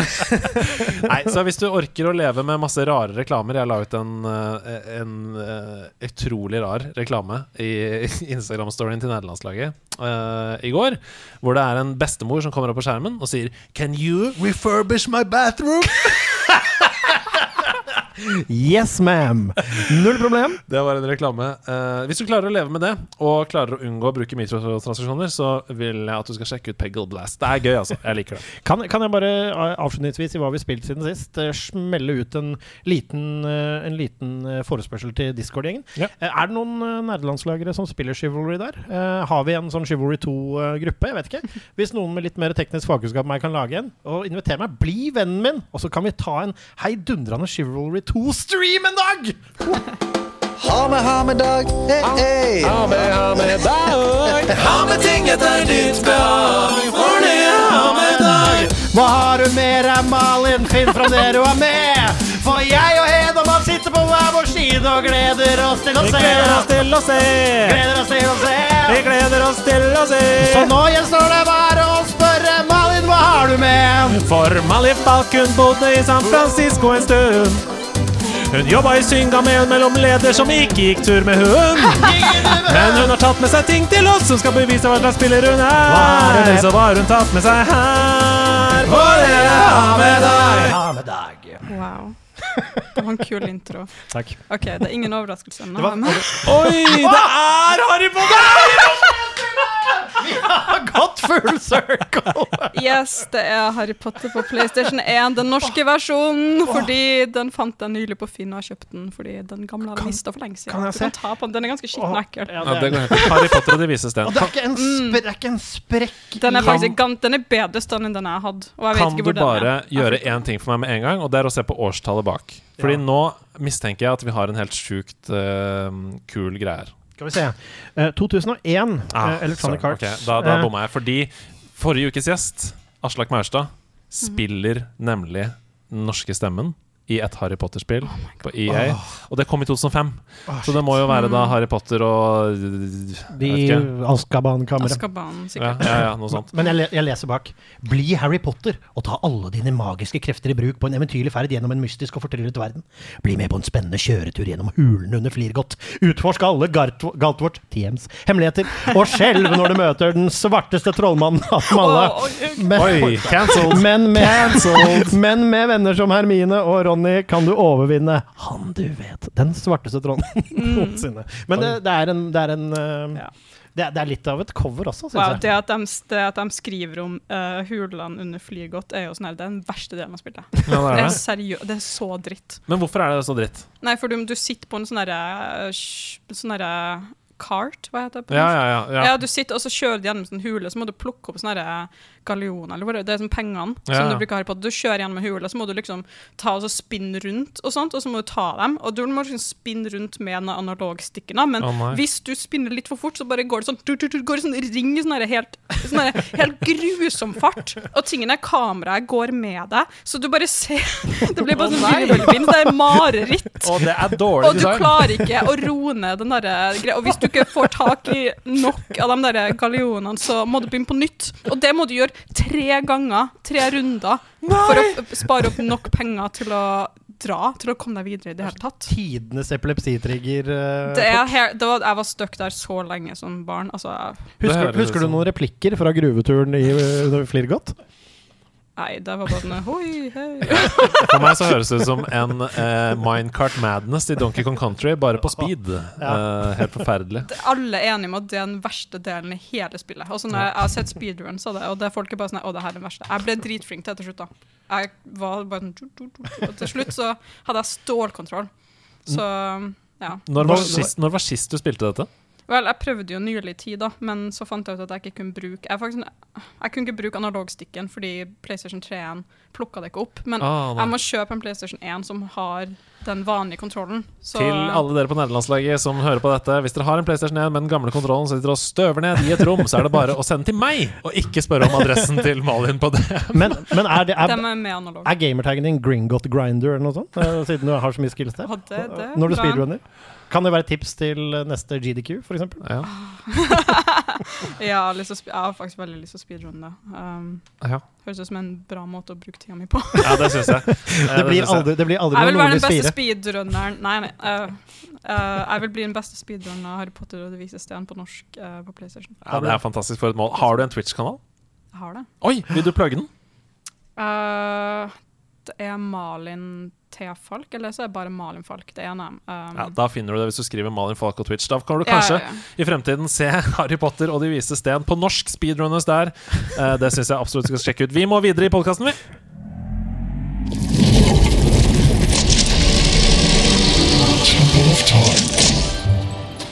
Det stemmer. Vi er dypt inne i Temple of Time, denne nye spalten i nerdelandslaget som hadde sin debut forrige uke. Og i Temple of Time så tar gjesten med seg tittelen på ett spill som vedkommende avslører da for en av programlederne som sitter her. Og on the spot så har programlederen 60 sekunder til å fortelle så mye hard fakta om dette spillet som mulig. De to andre som sitter her, de gir da 1 til 100 sandkorn basert på opptreden over slutten av sesongen. Så feirer vi programlederen som har høyest gjennomsnittlig antall sandkorn i sitt timeglass her i Temple of Time. Og Malin, ikke avslør enda hvilken eh, tittel, altså hvilket spill det er du har tatt med deg til oss i dag. Men det du kan avsløre, det er hvilken programleder du skal utfordre. Hvem har du bestemt deg for? Um, Du kan skjære luften med kniv. Det er spennende. Sebastian. Å, det blir Sebastian! det blir meg. Oi, oi, oi. oi. Hva, hva føler du nå, Sebastian? Du, jeg kjenner pulsen stige. Er det et spill jeg kan noe som helst om, eller ikke? Dere kommer ikke til å merke forskjell om jeg kan noe om det eller ikke. Det kan jeg si med en gang. Nei, fordi det er en liksom viktig tilleggsinfo her. Eh, hvis um, man ikke kan noen ting, så kan man også få bonuspoeng for god improvisasjon. Du kan sikkert noe. Ja. Ok. Ok, da er vi klare her er i Temple of Time. Oi, oi, oi, vi, har, vi er klare her i Temple of Time. Avslør, avslør tittelen for Sebastian. OK. Zelda Twilight Princess. Vi skrur i gang. I eh, spillet Zelda Twilight Princess følger du eh, Link, som har blitt eh, forhekset om til en ulv. Og han møter også den mystiske prinsesseskapningen, alv-fairytingen Midna, som geleider ham Husk at du igjennom ha 60 sekunder her. Gjennom, gjennom slaget på et eventyr. Her, Dette er det mørkeste Zelda-spillet to date, og det er en av de mest eh, populære titlene vi noen gang så på konsollen. GameCube! Eh, og eh, på den måten så gikk det eh, Og når du kommer tilbake, så blir det til slutt gjort om, så du kan gå tilbake fra ulveform og vanlig form, og du må følge Midna for å til slutt bryte troll, trolldommen som fanger Midna i den rare skikkelsen her, for hun er egentlig, ja, du gjettet riktig, et menneskeaktig ting, men hun er ikke menneske, hun er en mer en wizard-aktig greie. Dette er en av de mørkeste Zelda-titlene noensinne, og det var litt lite tilgjengelig for eh, kids, men det er også en kultklassiker og en av de mest uortodokse Zelda, eh, Zeldaene to date eh, av de store trippel A-titlene. Mer, mer, mer. Men du føler fortsatt en ganske basis Zelda-form, og du kjenner deg godt igjen, og det er fortsatt veldig populært en dag i dag, og et har holdt seg utrolig godt! Oi, oi, oi. Det er uh, veldig bra jobba her i Temple of Time. Shit, Um, det, det var helt rart, fordi man tenker at man skal formulere seg godt, men det gjør man jo ikke. nei. Ok, da kan du trekke deg rolig tilbake til stolen, og så skal vi bedømme da den opptredenen. Og det første jeg vil si okay, ja. eh, Du, kan få si, du er gjest, så du kan få si det først. Hva, hva Eh, tenker du umiddelbart? Jo, ganske sånn basis. Ja, Oh, pretty good. det er pretty good, ja. Jeg er litt sånn For det er mange ord Kunne, her. kunne jeg sagt litt liksom, hvilket år det kom Ja, ut, eller for det mangler jeg eller, her. Eller hvilken, for eksempel på Wii-en så kan du bruke Wii Det var først uh, Zelda-spill du kunne bruke Wii um, Hva heter den? Dem. Ja, Wiimoten. Ja, ja. Mm. At det var motion, men at når det kom ut på eksempel Jeg kaster ut 2000 Nå kan du trekke deg tilbake. 2007! Når det kom ut på Det kom ikke ut i 2007. Nei, jeg bare kasta det ut. Nei, nei, det- Jeg er ikke her ennå. Jeg, Jeg, er jeg, jeg bare Vi dømmer. Fordi, 2004, tror jeg. ja, fordi jeg er litt Um, enig med deg. Det Eh, kom for eksempel på GameCube først, mm. så ble porta til Wii. og da var det speilvendt. Og da var det speilvendt. Fordi, man, eh, fordi nettopp det du snakket om innledningsvis her, med, med venstrehendt og, og sånn link eh, De måtte speilvende fordi han Ja. skulle ha, du skulle Ja, bruke sverdet nettopp. og ha det i riktig hånd. Det er jo den mest funneste facten om hele spillet. Ja, så de tingene savna jeg litt. Og så savna jeg litt sånn navn på kanskje områder i spillet. Litt sånn sånne ting. Men det var jo Altså, det er jo en fyr som kan mye om Twilight Princess her. Han snakka om Midna. Han Ja. om Mm. eh, å bli forhekset til en ulv, Ja. som jo er ganske Mm. relevant. Um, ja Nei, altså for å, Har du spilt det? Ja, ja, jeg har spilt det, men det er frykt- fryktelig lenge siden. Ja, ja, ja. for å sette litt i perspektiv her, så hadde altså Stian forrige uke Kellogg's Adventure. Det spillet, det spillet som fulgte med i Cornflakes Frosties-boksen. um, og ja, jeg syns jo dette var bra. Men det er også et såpass stort spill at jeg forventer ganske mye. Mhm. 0 til 100 sandkorn. Hva, hva har du lyst til å gi? Det var litt midt på treet. Altså. Ja, du syns det? Ja. Jeg syns det er litt over midt på treet, nemlig. Ja, for det, det, ja. Men han er god til å prate. Det skal han ha. Var det egentlig substans, lurer du på nå? Ja, det var egentlig det jeg lurer på. 55, kanskje? Oi, 55! Det er knallhard dom fra, fra Malin her. Um, du, altså, du sier ting som eh, er riktig for historisk. Du sier f.eks. sånn det er et av de mørkeste spillene. Det, er, det, er, det har holdt seg godt ifølge journalister og sånne ting. Men det er jo veldig subjektivt. Um, hm, jeg, jeg, vi skal eh, Vet du hva? For humorens skyld 69. Oi! Du får 69 sandkorn. Ja, ok, men, men, vet du hva, vet du hva? Altså, jeg lever med det, fordi jeg fikk litt jernteppe. Fordi plutselig så jeg husket i grove trekk Så husket jeg veldig Jeg husker veldig Jeg kan se det for meg, men jeg husket ingen navn. Uh, uh, Plutselig så sto det bom stille, og, etter, og idet jeg sa GameCube, så tenkte jeg sånn Ja, men faen meg Wii også? Hvilket år? Ja, vet du hva? Det, jeg syns ikke jeg fortjener noe mer enn uh. Nei, og da har jeg slått sammen våre poengsummer. Og Sebastian, du står igjen med 62 sandkorn i uh, timeglasset ditt. Og det er bra, det. Ja, og hva, hvor mye fikk Stian på Kellogg's, egentlig? Uh, er Over 70. Ja, vet du hva? Fy faen, tenk, tenk, Han får Kellogg's og slår meg på et Zelda-spill. Nå er det rett hjem og øve på alle spill i hele verden til jeg er klar til neste gang.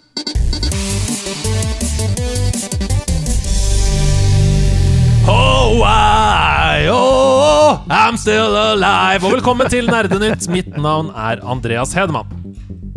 Der var det ikke noe lyd i jingeren. Velkommen til Nerdenytt. Mitt navn er Andreas Hedemann. Det var feil jingle. Velkommen til Nerdenytt. Mitt navn er Andreas Hedemann. Det kommer stadig små drypp fra produksjonen av Netflix sin andre sesong av The Witcher, og tidligere denne uken så kunne serieskaper Lauren Hisrich avsløre nye detaljer om sesong to.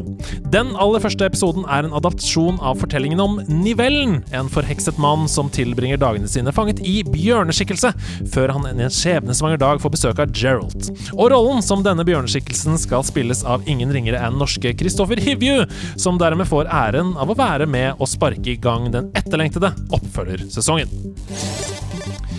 Tidligere denne uken, etter ti år med oppdateringer og utvikling, så har skaperne av Kerbal Space Program offisielt kunngjort at studio opphører vedvarende utvikling av spillet. Studio vil nå fokusere på Kerbal Space Program 2. Det originale Kerbal Space Program ble utgitt helt tilbake i 2011, eh, og i spillet så kan spillerne bygge og fly og krasje sine egne rakettskip ved hjelp av realistisk fysikk. Flertallet av kommentarene etter offentliggjøring av denne nyheten er positive. Fansen feirer nå det lange livet det opprinnelige spillet hadde, og spekulerer energisk over den kommende oppfølgeren, som har forventet utgivelse i 2022. Salgstallene for Mass Effect Legendary Edition var godt over EAs forventninger, uttalte utgiveren under onsdagens Investor Call. EA delte ikke eksakte salgstall for spillet, men det de delte, avslørte at spillet var svært populært på Steam. Mass Effect Legendary Edition nådde det høyeste antallet spillere noensinne for alle Mass Effect eller BioWare-spill. 59 817 samtidige spillere var inne i spillet på det meste, noe som er det nest høyeste samtidige spillertellingen noensinne på Steam for et EA-spill. Kun Apex Legends er foran. Men til ukas hovedsak. Rockstar Games har bekreftet at Grand Theft Auto 5 nå har overgått 150 millioner solgte enheter, som gjør det til tidenes nest mest solgte spill, kun slått av Minecraft. GTA 5 alene har solgt like mange enheter som tidenes mest solgte konsoll, PlayStation 2. Spillet har solgt fem millioner eksemplarer de siste to månedene alene. Og mange Triple A-spill oppnår jo som vi vet ikke det engang i løpet av hele sin levetid. Så folkens, hva er det med GTA 5? Hvorfor lever det evig? Hvorfor når det stadig nye målgrupper? Og ikke minst, får vi noensinne et singleplayerspill fra Rockstar igjen? Altså Får vi noen gang et singleplayerspill derfra? Ja, altså er, du, du toucher jo på det som er grunnen til at dette spillet lever, og det er jo at det er GTA Online eh, her uh, også, uh, tror jeg ganske sikkert. Altså, I tillegg til et fantastisk spill i singleplayer-biten, en av de aller, aller beste singleplayer-spillene noensinne laget, spør du meg, Uh, så har du også en robust og et veldig bra online-tilbud som humper og går den dagen i dag, og det er mulig å kjøpe penger på ekte måte der, som gjør at det er en kjempe-cash grab. Så Ja. det, altså, det er et fan fantastisk spill, en god online-del hvor de tjener masse penger, som gjør at jeg tror vi skal se en stund etter før vi får en ny singleplayer-del, vil jeg tro. Ja, hva, Har du spilt GTA 5 i det hele tatt? Nei. Oi, wow! Det er en av de få uh, som Jeg ikke har har ikke spilt spilt, jeg har ikke spilt noen GTA. Du har ikke det, nei? Nei. Men har du noe uh, Du har faktisk ikke snakka så mye om open world uh, hittil i denne podkasten. Er det liksom en sjanger som er Um, fremmed for deg? spilt Breath of the Wild. Ja, ja, ja. Som kanskje er tidenes open world-spill, spør du meg. Ja, mm, kanskje. Um, nei, jeg har sikkert vært innom. Det er bare um, Kommer ikke på akkurat nå. Nei. Mm. Nei, fordi uh, GTA 5 eh, jeg, jeg stiller jo spørsmålet her Hva er det med det spillet som gjør at det stadig når nye målgrupper? Og jeg tenker sånn uh, For det første så er det jo hyperrealistisk. Altså Vi befinner oss jo i en hybrid av California uh, her. Um, så det er veldig gjenkjennbart, og veldig da eh, Det når bredt. ikke sant? Folk som aldri har spilt et spill før, ser å ja, det er biler og mennesker. Og, altså Det er vanlige folk. Det er vanlige ting som skjer her. Det er ikke drager og fantasi. Ikke sant? Det er vanlig. Samtidig så er um, I USA så er de ganske strenge på aldersgrense.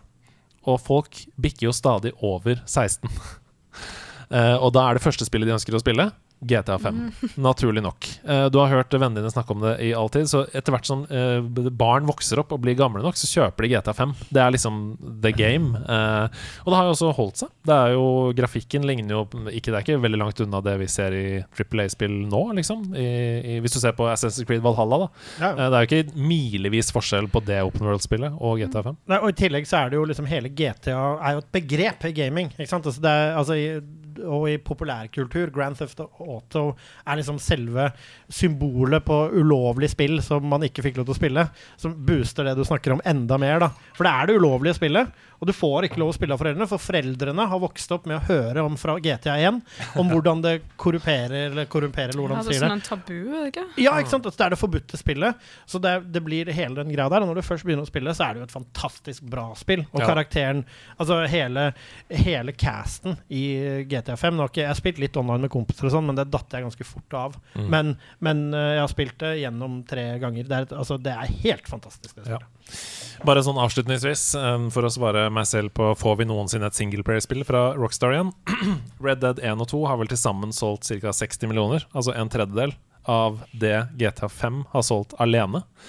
Eh, og det sier jo litt. Når man bruker så mye ressurser på et spill som Red Dead Redemption 2, og får da, i kontekst, såpass lite igjen For det er jo ikke noen mikrotransaksjoner. Er ikke, altså, tenk hvor mye penger de tjener i måneden bare på GTA Online, liksom. Um, jeg er stygt redd for Rockstars fremtid, altså. Ja, og så må man jo ta med i betraktningen her da at Red Dead 2 var et ganske dårlig spill. Ja, det er kontroversielt Oh, å wow. melde. Det er kontroversielt hver gang jeg sier det, men det er ikke et veldig bra spill. Det er jævlig treigt. OK. Oh, I, oh, I'm still alive. Mitt navn er Andreas Hedman, og dette har vært Nerdenytt.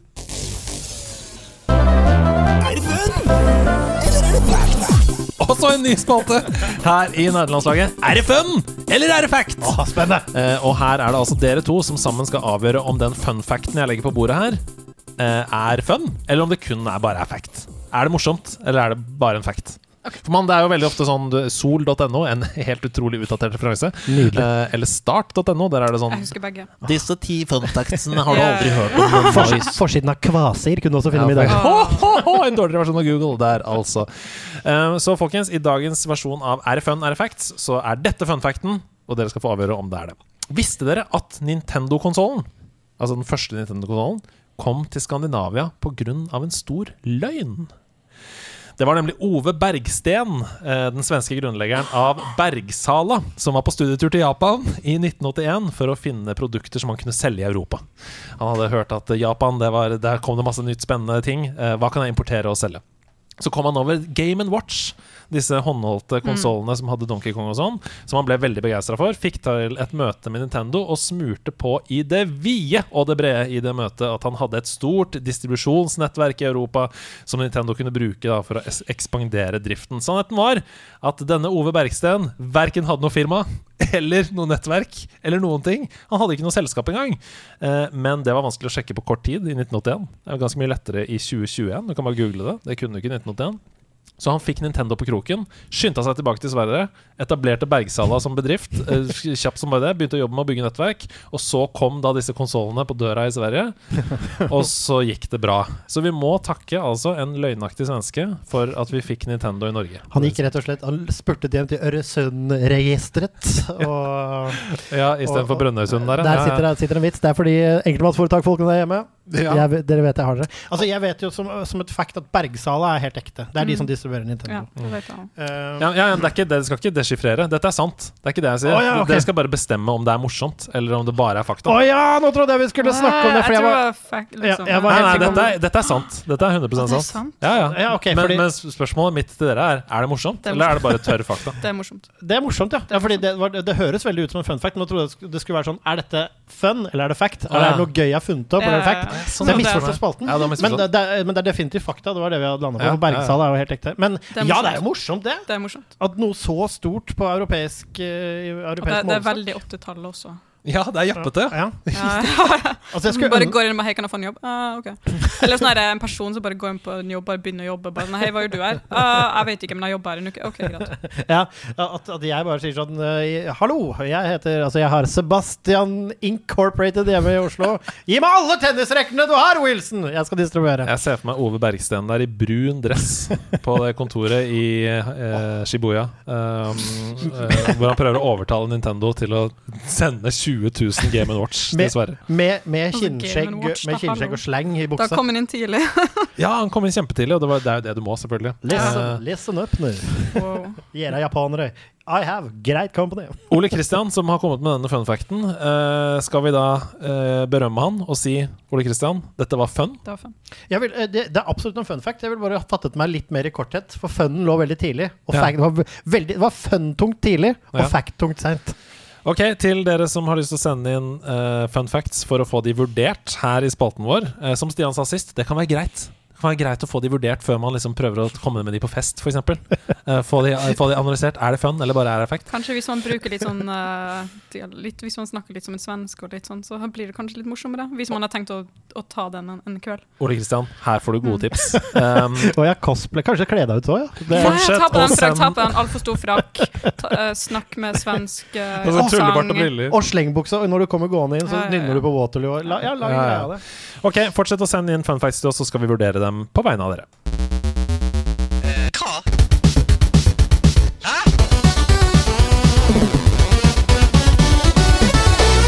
Jeg er helt i mørket nå. Hjertelig velkommen til den mye kulere utgaven av fredagsunderholdningen på NRK. Dette er nemlig Bit for bit, som vi spiller her i Nerdelandslaget. Og i Bit for bit så har noen veldig, veldig flinke um, eh, bidragsytere i nederlandslaget, nemlig Paper, eh, Kjaus og Sneak, funnet ut at på gamle konsoller så var det ikke sånn at eh, musikken ble spilt av på likt. Nei, altså musikken ble spilt av som ett spor. Det var bare sånn at mange spor ble trykket på samtidig. Så eksempel trommene var ett spor, gitaren var ett spor, bassen var ett spor, synten var ett spor, og så sa spillkonsollen til Altså spillet sa til spillkonsollen Spille av alle disse tracksene på likt. Det vil si at hvis man går inn i kildekoden til spillet, så kan du plukke ut ett og ett spor. Så det vi skal her, det er at jeg spiller for eksempel først kun av bassen for dere. Og så skal dere gjette hvilket spill er det vi skal fram til her. Og så legger jeg på, så legger jeg på gitar, og så legger jeg på synt, f.eks. Og til slutt så har vi hele låta, og dere får uh, flere poeng jo tidligere dere klarer å gjette Skal jeg gjette spillet? Ja. Ok. Um, og det er sånn at man får tre poeng på første hint, eh, to poeng på neste og ett poeng på siste. Og dere er mot hverandre, så dere er nødt til å rope navnet deres her nå. The going. Og her kommer den første oppgaven. Åja, så du roper ikke spillet, du roper navnet? Ja, du må rope navnet ditt ja. oh, først, okay. og så må du svare spillet. Okay. Uh, her kommer den første oppgaven.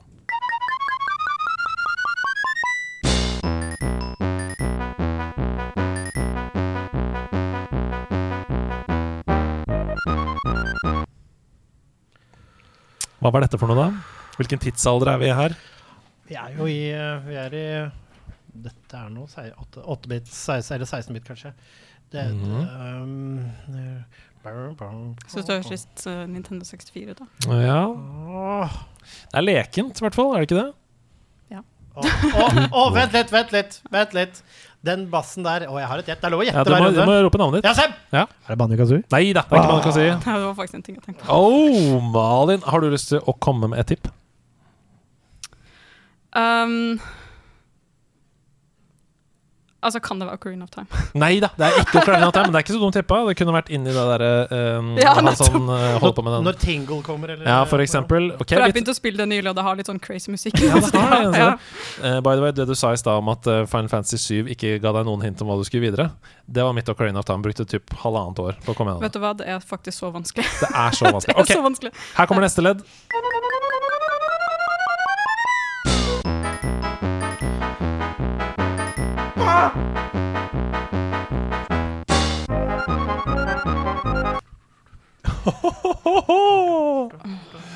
Det eneste vi mangler her nå, det er jo åpenbart en melodilinje.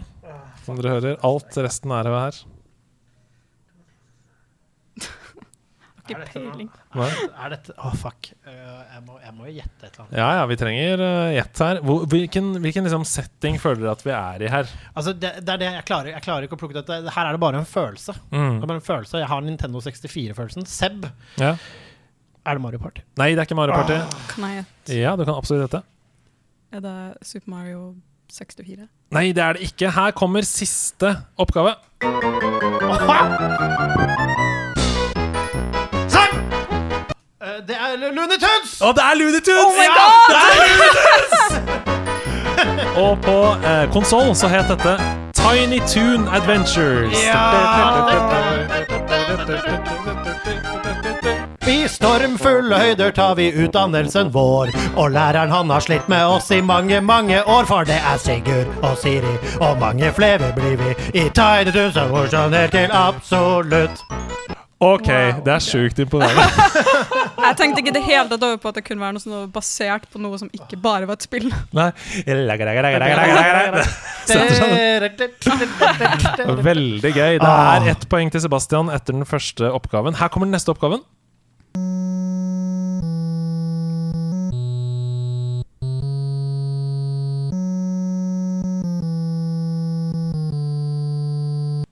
Det er dårlig gjort. Det er dårlig gjort, ja. Den er vanskelig. Men her skal vi til Dette er noe eldgammelt. Det er du enig i, Malin? Ja.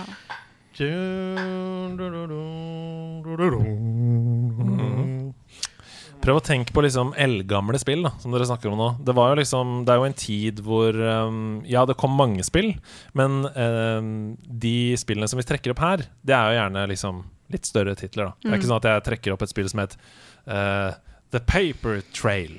Nei. Altså, eh, Som vi, handler om flyktninger. det, det, gir meg, det gir meg en vibb av noe. Ja, ja det er vibba noe. Men du kan få ja. begynne først, du. Da. Kan jeg få? Ja. OK, OK. ok Eh, Metroid. Nei, ikke Metroid. Nei, fordi jeg skal også litt til det sjiktet der. Det ga meg en Castlevania. -film. Nei, det er ikke Castlevania. Ah. Her kommer andre ledd. Nei, en, fortsatt ikke Castlevania.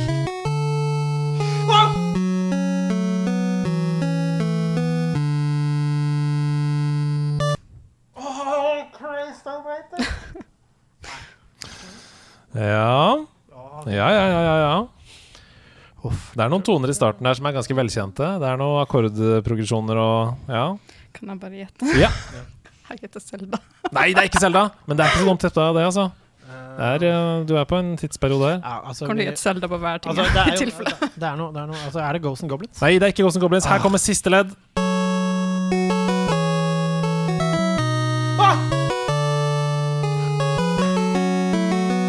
Sebastian reiser seg opp og går rundt i lokalet nå. Han er frustrert. Dette gjør vondt.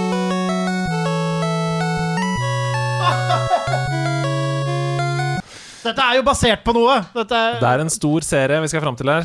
ja, eh, Det er mange spill. En gang til. En gang til. Få høre litt. Ja, Ja, du får, du får akkurat starten av ja, ører. ok.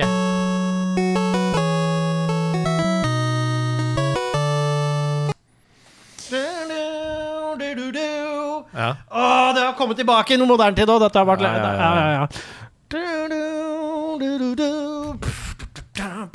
Det er mange spill i denne serien. Um, veldig sånn typisk Eller sånn uh, karakteristisk måte bygd opp, disse spillene. Alle spillene er bygd opp på samme måte. Kjem! Uh, det er fra Megaman. Ja, Ja, det er Megaman! Det er Megaman. Men hvilket er det? For et ekstra poeng. Uh, uh, uh, eh, Hadde jeg ikke gjettet. To. Nei da, det er tre. Ah, uh, så du, men du får ett poeng. Det betyr at du Ah. går av med seieren bit for bit. ah, takk Gud. Takk Gud. Uh, følte du at du hadde Du hadde jo mange gode tipp her. Følte du det var forutsetningene var um, Det var kanskje litt for gamle spill? Um, vel, jeg har jo ikke spilt noen av dem. Eller hørt Jo, jeg har jo hørt Looney Tunes-themen før, men jeg bare kobla det ikke siden jeg tenkte spill, spill, spill. Så jeg Ja. bare sa ting i tilfelle. Men ikke det særlig bra gjetta. Nei, men det har vist seg å være en vinneroppskrift det, det. det, det kunne hende at noe var skikkelig opplagt, ikke sant? Bare at du ikke hørte så godt når det bare var bassen. Ja. Jeg, jeg sitter alltid og venter på Jeg vet at den Aldri har vært spilt Megaman, så den hadde jeg ikke klart å gjette. Hver gang jeg leker denne oppgaven Jeg vet at den har vært før, men jeg bare hører Uansett hva som skjer, så forestiller jeg meg at det er Mute City fra F-Zero som kommer. For det er den beste tracken noen Ja, det er fantastisk F-Zero. Tusen takk for at dere spilte Bit for bit. Vi skal videre til neste spalte.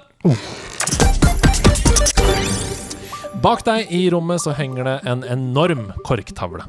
Den er så stor at uh, du kan nesten ikke se den engang, for den er så stor. Uh, den dekker hele veggen her. Og på den korktavla så henger det jo lapper, det henger MP3-filer, det henger mye som folk sender inn til oss hver uke. Og denne uka her så har folk vært ekstremt aktive, fordi de visste at du skulle være gjest. Og det har kommet så mange spørsmål, så vi får se hvor mange vi rekker. Men jeg bare fyrer løs her, jeg. Ja. Kjære Sebastian, Andreas og Malin. Gutter, tilgi meg at fokuset legges på den strålende gjesten, for jeg og tantebarna mine koser oss veldig med Nordlys-serien. Eh, bøkene slukes i rekordfart etter hvert som de kommer ut, og vi gleder oss til neste bok. Hvilke tre ting har påvirket tegnestilen din mest, synes du? Hilsen Mys med tantebarn. Ja, veldig hyggelig å høre. Ja. Um, vel, det som har kanskje påvirket tegnestilen min mest. I begynnelsen så var det jo veldig det er veldig Disney-aktig i de første bøkene. Og det var jo fordi at jeg hadde veldig lyst til å jobbe for Disney, eller Dreamworks, eller en av de animasjonsstudiene som var i California. Mm. Um, så jeg tok og la om stilen min ganske mye til å se riktig ut for det. Uh, Ja. da, da var Disney som var veldig Da var det veldig Disney. Um, og så etter hvert nå så har jeg gått litt over til å liksom tenke litt mer uh, Bli litt mer inspirert av anime og manga og sånt. Mm. Um, for jeg syns bare ja, bare fantastiske, flinke folk uh, tegner manga. Um, det, så det er veldig inspirerende. Uh, og så har jeg jo vært concept artist. Så um, jeg tegner fortsatt litt som en concept artist. Bakgrunnene mine er ganske sånn rask og malt og sånne ting. Den ganske, sånn teknikk man har som concept. Man må lage ting veldig raskt, for man skal ha ting raskt. De vil gjerne at du skal begynne på morgenen og være ferdig på kvelden. Så et bilde om dagen, liksom. så det har også hengt med. Så la oss si det er en blanding mellom animasjonsfilm og anime og manga og concept art. Ja. Kjempefint svar. Eh, hva er dine eh, Du får bare si fra hvis du eh, føler deg veldig stilt til veggs her. Og bare, Er det noen som spør om adressen min? kan jeg please ikke få være på jobb her nå? Hva er adressen din? Hva? Hva er dine beste tips for en nybegynner som ønsker å bli bedre til å tegne? Er det noen spesielle tutorials eller YouTuber eller bøker eller læringsmetoder som du vil Ah. anbefale? Hvordan i alle dager går man fra Stickman til Megaman? Hilsen Don-Don. OK, så i begynnelsen så vil jeg bare si uh, Hvis man tegner stickmen da, man, uh, da har man ganske stor uh, learning curve, så da kan man bare begynne med å tegne hva som helst, egentlig. Mm. Um, bare tegne ting som man syns er gøy å tegne, sånn at man ikke begynner å synes det er kjedelig, og så gir man opp, for det kan skje. Så for det meste er kanskje sånn Kanskje du har en ting du har lyst til å tegne, du har et mål. Sett det målet, og så prøver du på en måte å komme til det målet. Ikke sant? Uh, for tegning betyr jo så mye forskjellig. Hvis det liksom er min type tegning, så vil jeg begynt å sette på dem som tegner på den måten, og så prøve å etterligne hva de gjør. Og når jeg sier etterligne, så mener jeg ikke å kopiere nødvendigvis, men å prøve å komme på sin egen greie liksom i den samme stilen. Men også på et eller annet tidspunkt så må man gjøre det kjedelig, så må man plukke opp noen tegnebøker Uh, om, om farge, anatomi, perspektiv uh, og sånne ting. Og det finnes en hel drøss av det. Um, så må man se hvor langt det Det burde man det burde egentlig ta helt til mål. Mm. Det finnes ingenting som er så bra som de kjedelige, tørre tegnebøkene som ble laga for 10 og 20 år siden. De er fortsatt de beste. Mm. Um, jeg ville faktisk ikke sett på noen YouTube-tutorials. Um, eller fulgt sånne enkle tutorials, for det er ikke enkelt. Det er ingen quick fix, og veldig mange sånne uh, youtubere og de vil at du skal lære en quick fix, og det, det bare finnes ikke. Så det er Nei, litt for sånn da som lærer å man, lærer man kanskje uvaner isteden, på en måte? Man lærer jo Altså, det er som å Det er som å dra til treningssenteret og så plukke opp en fem kilos eh, løsvekt og tro at du kommer til å få store muskler. Det kommer ikke til å skje. Fem Nei. kilo er ikke nok. Ja, ikke sant? Du må ha 50 kilo. ja, Så det er liksom Det er litt der, da. Hvis Ja. du virkelig vil bli flink til å tegne, så må du nesten liksom bare slippe deg sjøl i ansiktet og gjøre de vanskelige tingene, og, og ikke ta, ta støttehjulene så tidlig Mm. som mulig. Mengdetrening er vel kanskje også et stikkord her? Ja, ja, ja. Det, det er sånn Ja, du må gjøre det ofte. Men det er sånn hvis du er interessert i å tegne, så gjør du jo det, liksom. Sånn, Da Mm. vil du tegne. Hvis du syns det er slitsomt å sette deg ned og tegne, så er det kanskje ikke for deg. Nei. Ok, uh, hei, dette er et spørsmål spesifikt til Sebastian. Nei, men hei Jeg bare lurer på om Sebastian savner livet i kollektivet på TV2. For musikkvideoen 'Det må da være lov' var og er legendarisk. Hilsen Stranderen. Ja, altså Hvis du skal lære deg å lage må da være lov-videoer, så må du rett og slett bare sette deg ned og si det må det. Eh, du, det var en veldig hyggelig tid. Uh, vi holdt jo på mye lenger enn alle TV-program flest pleier å gjøre. Det Ja. ble ni sesonger eller hva det ble, og 1000 sketsjer eller hva det var. Det er så mye. Og det lever jo sitt liv på YouTube, så nei, jeg savner ikke det så veldig. Jeg savner, jeg er god venn med gjengen og driver med mange andre morsomme ting. Så det var en ting i sin tid. Det var veldig gøy å gjøre det da, men vi var veldig slitne av å gjøre det når vi var ferdig. Så Ja. det, det står i sin samtid, og takk for at du syns det er morsomt. Ja, så det var liksom et godt tidspunkt å slutte på. Det Vi var alle egentlig ganske enige i sesongen før siste sesong at det holder nå! Men så sa de hva med én til? Og så sa vi ok, greit, vi lager en til. Og da var vi ferdig. Godt fornøyd, og ikke noe trist og vondt å slutte med, men uh, står det, det var i sin tid. Blir du inspirert av spillmusikk når du tegner og skriver? Eh, hvilket spill har ditt favorittsoundtrack? Hilsen Sin4. Oh, ja. Det blir jeg faktisk.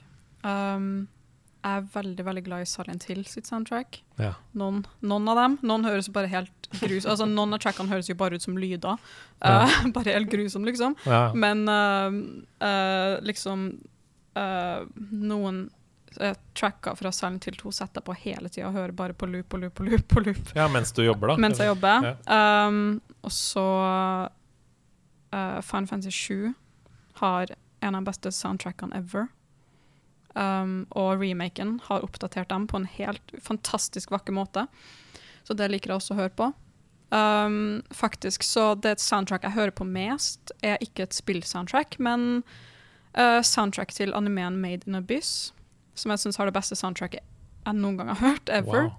Spesifikt Made in Abyss uh, soundtrack 2, del 2. Uh, helt fantastisk. Um, jeg har hørt det til døde, liksom. Um, ja, det, det, jeg føler liksom det blir ganske episk når jeg setter på et soundtrack og tegner. Jeg gjør det veldig ofte. Jeg, jeg har et oppfølgingsspørsmål til deg. Ja. Hender det du sitter på trikken eller Coatis og Sport, og så hører du på Silent Hill eh, Så hører du på Silent Hill-soundtracket, sånn, og så er du uheldig og trekker ut AVX-kabelen, så du spiller sånn, sånn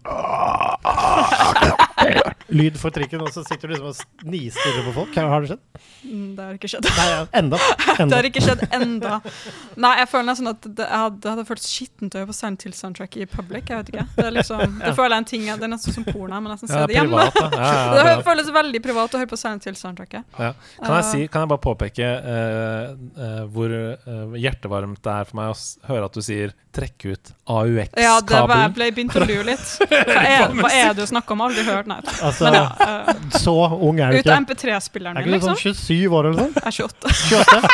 Ja, da har Jeg du vet det. hva du mener. Bare sånn Altså, ikke kom og skap deg, du hadde AUX-kabel i Ja, men jeg din, sitter jo ikke der. Jeg sitter jo ikke Du veit hva en. CD er? Ta tørka deg det fliret, sier jeg. Nei, nei, nei. Det gjelder deg også, Andreas. Altså, OK boomer-mentalitet fra dere to, det tar jeg ikke imot. ass. Bluetoothen fra AirPodsene dine disconnecte. Ja, det er bedre det. Når, Bluetoothen disconnecter, og det, eh, på en eller annen måte så har ikke Apple funksjonen med å stoppe av seg selv. Kids har datta, men dere skjønte hva jeg mente. Ja. Eh, har du noe favoritt-soundtrack? Bare sånn right off the bat Jeg vet det er vanskelig, Fordi vi er veldig glad i musikk alle sammen her. Du, jeg er veldig glad i veldig mange soundtracks. Det er vanskelig å si på stående fot, men jeg syns eh, Av spill så er jeg veldig glad i Quackshot-soundtracket. Fordi det gjør meg veldig glad, og Ja, det er veldig nostalgisk herlig. Eh, men en av de feteste soundtrackene hands down gjennom tidene, kanskje det feteste, Turtles in Time. 8, Ja, så, as far as 8-bit goes. Men, uh, eller sånn spillmusikk. Men igjen, det er masse episke ting, og det er Mm. masse fra film og sånn Altså, bro, eh, altså Bridge Over River Kwai, altså Colonel Bogies March, Mm. den kan jeg altså stå opp til hver dag med den eldre trim-plystringa og fanfarer og Jeg har, sånn. ikke, jeg har ikke spilt Ghost of Tsushima, men jeg har hørt mye på, på soundtracket, for det er bra. ass. Nå kommer snart Directors Cut, Andreas. Da er det bare å gjøre seg klar. Er det en tegneseriefigur du selv ønsker at du hadde funnet på? Og i tilfelle hvilken og hvorfor? Hilsen opp ned kors. Ja, det er faktisk en ting jeg tenker på ganske mye. Ja. Um, men jeg syns um, serien, altså mangaserien, da, Full Metal Alchemist, er Ja. den mest kreative fucking serien som noen gang har blitt laga. Og hvis jeg kunne ha gått tilbake i tid og funnet på den før, ja, ja. før uh, hun som gjorde gjorde det, så oh, God, ja. Jeg hadde nok jeg hadde ikke gjort det like bra, men altså ja, Full Metal Alchemist det er sånn den ideen. Jeg kunne ønske jeg kunne stjele den. Sånn en bra den, ja, altså Alt jeg liker, er sånn her Å, for en god idé. Fuck. Jeg kunne ønske jeg kunne ønske jeg fant på den ideen. Ja. Ja, jeg, har, jeg har mitt svar òg, for Ja. de som lurer på det der hjemme. Randy Marsh. Fra kan- South Park. Jeg kan se altså. det, jeg kan se det dumme uttrykket hans og barten og bli glad hver gang. Ja, ja, jeg var kanskje litt uspesifikk med bare Full Metal Alchemist, men Ja. eh, basically, ja, hele det, alle karakterene er fantastiske i den serien, så Jeg tror du varmer mange nerdehjerter som hører på. mm. Hei! Nå nylig så har det blitt lekket en gruppesamtale fra development-teamet til Overwatch, der Jesse McCree, som faktisk er den virkelige personen McCree er oppkalt etter, er aktiv i denne samtalen, hvor de bl.a. snakker om at de er Bill Cosby-supportere, og at de skal bestille prostituerte opp på hotellrommet. Ordentlig skitne greier. Derfor er det nå mange som ønsker å bytte navn på McCree i Overwatch, eller slette hele figuren fra spillet. Hva tenker dere om dette? Hilsen Lucaso. Det, tenk, det høres ut som en situasjon du bare fant på. ja, dette er, dette er, er det fun eller fact? Vi er tilbake. Eh, Det var ikke det kan. Nei, altså, det mener jeg er eh, Helt jævlig ting å gjøre, selvfølgelig. Og fuck de folka for å støtte prostitusjon. Men eh, når det er sagt, karakteren McCree, ja, hvor de har hentet inspirasjon til navnet osv., osv. Her må man Dette er en av tilfellene hvor du må skille kunst og Ja. kunstner litt. Eller liksom fiction. Hvorfor skal ikke han kunne hete McCree? Det er sikkert mange andre mennesker som heter McCree. Si det at ja, vi fikk inspirasjon til det navnet der. Fordøm det greiene hvis du går ut med en pressemelding, men si at vår McCree har ingenting med dette å gjøre. Han ville aldri gjort noe sånt. Ja, det høres Altså- som cancel culture. Ja. Sånn den verste delen av det, liksom. Mm. Bare sånn latterlig, liksom. Finn et ekte problem. Og da, altså, Eller fjerne hele karakteren er det eneste de kan gjøre. De kan ikke rename han, da er jo problemet gjort. da Fordi Hvis, altså hvis, liksom, hvis denne McCreen som Mm. gjorde det, kommer inn og bare It's high noon, let's get some prostitutes Hvis han er helt lik, greit, da har vi problem. Hvis han har cowboyhatt og er god til å skyte, på en Og har en bionisk arm. Altså Han er ikke i nærheten. Det er ikke, det er ikke Nei, jeg er helt enig med dere her. Det, det blir litt for søkt. Da, da må vi Da er det mange navn vi må fjerne fra populærkulturen. Men jeg tror jeg Eh, faktisk hadde sparka ut han, eller McCree som er navnet, ut fra felleschatten, i hvert fall. Ja, det hadde sparka ut fra mer enn bare felleschatten. Enig i det. Eh, Dersom du Vi begynner å nærme slutten her nå. Du, dersom du kunne byttet liv med en tegneseriefigur, hvilken tegneseriefigur ville du i så fall ha byttet plass med, og hvorfor akkurat den figuren? Hilsen Pokerfreak. Wow. Det er et stort spørsmål. Tegneserie Altså, det må være en serie. Nei, det må ikke det. Det kan være en animert figur, da, kan vi si, isteden. Uh, jeg kan si, mens du tenker, så kan jeg si uh, Jeg har alltid vært veldig Donald-fan. Vært helt siden jeg var liten. Er det onkel Skrue? Nei, det er veldig easy fix, da. Jeg bytter liv med han. Men da er du da er du masse press hele tiden. Eh, Magika fra Tryll, B-gjengen, alle prøver å invadere. Ta tiåringen din. Ja. Dessuten så har du masse penger som du må ta vare på, og inn i en binge, og det er masse problemer. Ja. så nei. Eh, Fetter Anton. Ja. Bare masse flaks og Det eneste er Da blir du en ganske avskyelig fyr. Da. Alle hater deg, på en måte. Går, du går i dybden, altså, men, men igjen. Jeg, tror jeg, jeg, har også min fra, jeg har også min fra Donald-universet, når, når jeg ble inspirert av deg. Mm. Jeg ville bare valgt Guffen. For det det er, ikke, det er ikke så usannsynlig at jeg kan komme meg dit. At jeg kan lede meg tilbake på gården til bestemor Duck og hjelpe litt til. Og, han er jo en snylter. To men- spørsmål. Ja. Ja, fordi du har, du har jo ingenting. Altså, du, har, du eier ingenting. Du, du har uh, tak over hodet, mat. Det er Vest, det du har. vest, hatt har jeg. Jeg slipper å gå på bukse. Eh, og spørsmålet mitt Har du konstant dårlig samvittighet? Fordi du cheater unna arbeidsoppgavene? Ja, vet Du hva? Eh, Du, du tror at det er en slags indre konflikt i Guffen? Har du, du, har lest, du har lest mellom linjene, Donald? At Guffen sliter litt? Ja, ja Ja. nei, og kanskje det. Uh, ja, nei, men ja, jeg tror jeg vil en moderne Guffen, eller Klaus Knegg, for han er blid og behjelpelig. Jeg tar bestemor Duck, jeg. Det er mye bedre. For en dynamisk duo vi blir. Ja, Men jeg kan jo Jeg lager for det første utrolig god pai. Alle Ole Dole Doffen står på døra hver søndag for å få paien min. Ja. Eh, og for det andre så har jeg et uh, nydelig liv på den gården, og jeg koser meg, og det er rolig og Kan, hvis du nå velger Klaus Knegg, så er det en gjeng. Uh, det, her, altså, det kommer til å høres helt, uh, helt crazy ut, for han har jo ikke noe bra liv i det hele tatt, men Spiderman.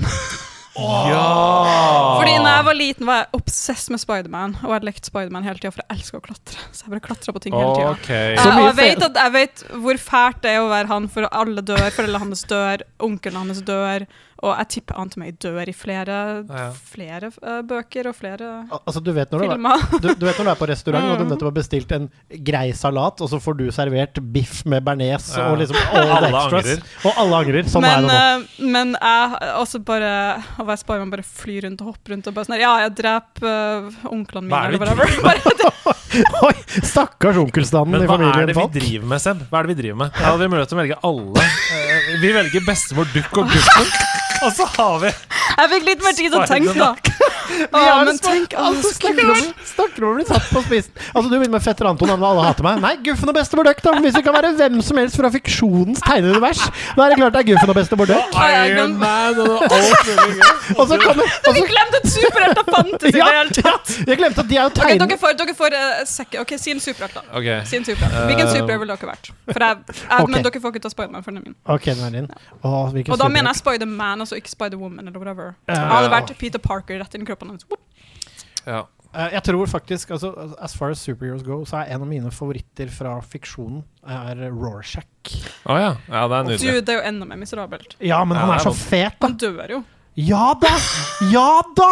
Men han er tøff underveis! altså, og så går han ut oh, It is a dark morning. Altså, vet du Ja. hva? Skal ikke han også være veldig stygg? Altså, det, det setter jeg pris på at du sier at det hadde ikke passet med meg. Da bytter jeg også Da bytter jeg til hva er greit for deg, da? Batman! Er det greit? Mora og faren er død, og Ja. Det er jo liksom alltid noe jeg avstår fra å si noe annet enn eh, bestemor-Duck. Jeg står for bestemor-Duck. Så her har du Spiderman. jeg, shamer ikke hver Rorschach. Det går helt I min verden er Jeg bestemor-Duck en superhelt. Okay? Drømmen min nå er en sketsj. Altså, om noen tegnere der ute, eller du, om du noen gang skulle finne tiden, kunne laget en liten superheltskisse av meg som Rorschach, deg som Spiderman og han som bestemor Duck. Hallais, eh, Sebastian Nye, nye Hedolini. Suicide Squad. Hallais, eh, Sebastian Hedolini og Falini. Det er ditt nye navn. Falini. Eh, Spørsmål til Malin. Hvordan er prosessen med en tegneserie? Har du et klart og tydelig skript som er satt lang tid i forveien, eller kan det plutselig tas en omvei før du kommer til målet? Hilsen nederlandslaget avdeling Belgia. Eh, ja takk, begge deler, holdt jeg på å si. Ja, ikke sant? Um, det er ikke jeg, har satt. noe, jeg, har en, jeg har en storyline som er satt i hodet, og jeg har ca. tre bøker planlagt i forveien. Ja. Um, men ting kan skje, og jeg kan, jeg kan gå litt på av, liksom, Det kan spore av litt. Mm. Ikke på en dårlig måte, men bare sånn jeg kommer på Oi, det kunne jeg gjort.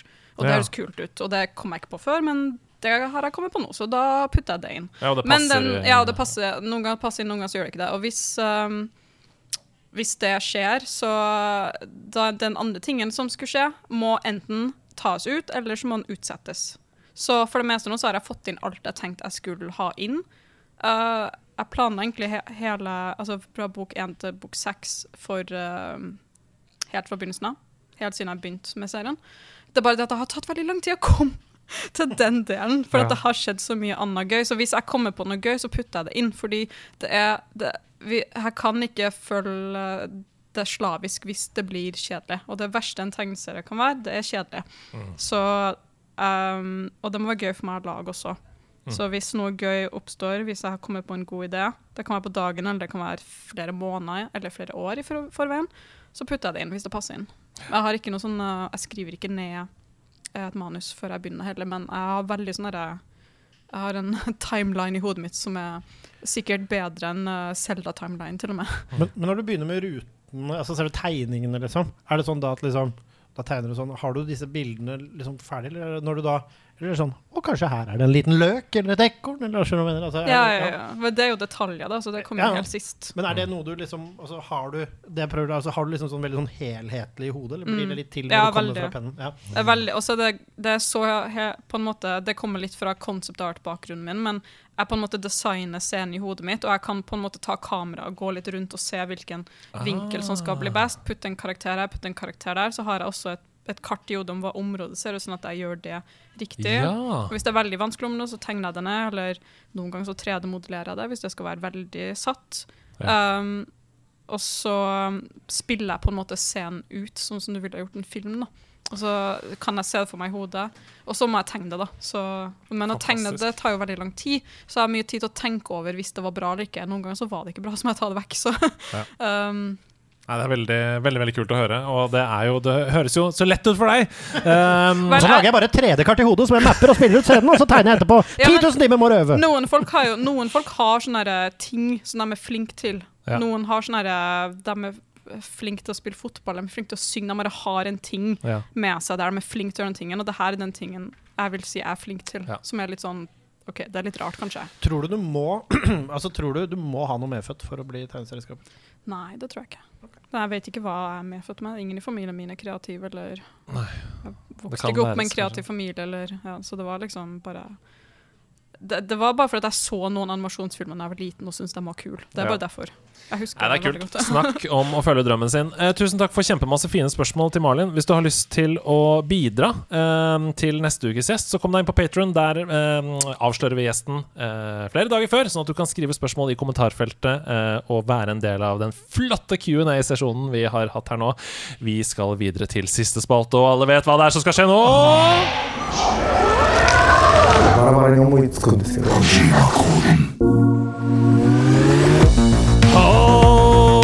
秀横島のなたとメンバーでよ秀横島のなたとメンバーでよ Kojima han kanaliserer fra Henos body over til Sebbe-gutten. Det stemmer, vi skal inn i Hideo Kojimas rike. Dette er Kojima-koden. Og for første gang i historien, som dere forstår her nå, så har altså Hidio Kojima også tatt over Sebastians kropp og lagd en slags rebus i hans hjerne. For ja, Kojima-koden. Eh, kjenner du til Hidio Kojima, denne spillskaperen? Ja. Ja. Han er jo en uh, spillskaper som er kjent for uh, rare rebuser. Uh, at det skjer forskjellige ting som du må tenke deg fram til. Og sånn Her må jeg putte kontrollen inn i player 2 for å komme videre! Ja, Metal Gear. ja. Og på denne måten så har vi også laget Kojima-koder, som er altså rebuser. Der det er et spill som skjuler seg inni rebusen. Som da ehm, eh, De to som er igjen i studio, må deskifrere sammen. Altså eh, Hvis Sebastian har en Kojima-kode, så må vi to hjelpe Ah, hverandre. Og komme fram til? Ja, finne ut hvilket Ok, spill det er. Så vi må liksom okay. hjelpe hverandre, da. Eh, vi er ikke mot hverandre her. Og Sebastian har skrevet en, og jeg har skrevet en. Du kan begynne, Sebastian. Jeg begynner. Oh, ok okay nå nå er jeg spent. Nå er jeg spent på hvor vanskelig den er. Det er- Det er min første Kojima-kode. Og det er altså to ledd. Sånn at hvis vi klarer det på første ledd, så får vi to poeng. Så klarer vi Ok. på andre ledd, så får vi ett. Ok. Et blast from the past i nivå og musikk.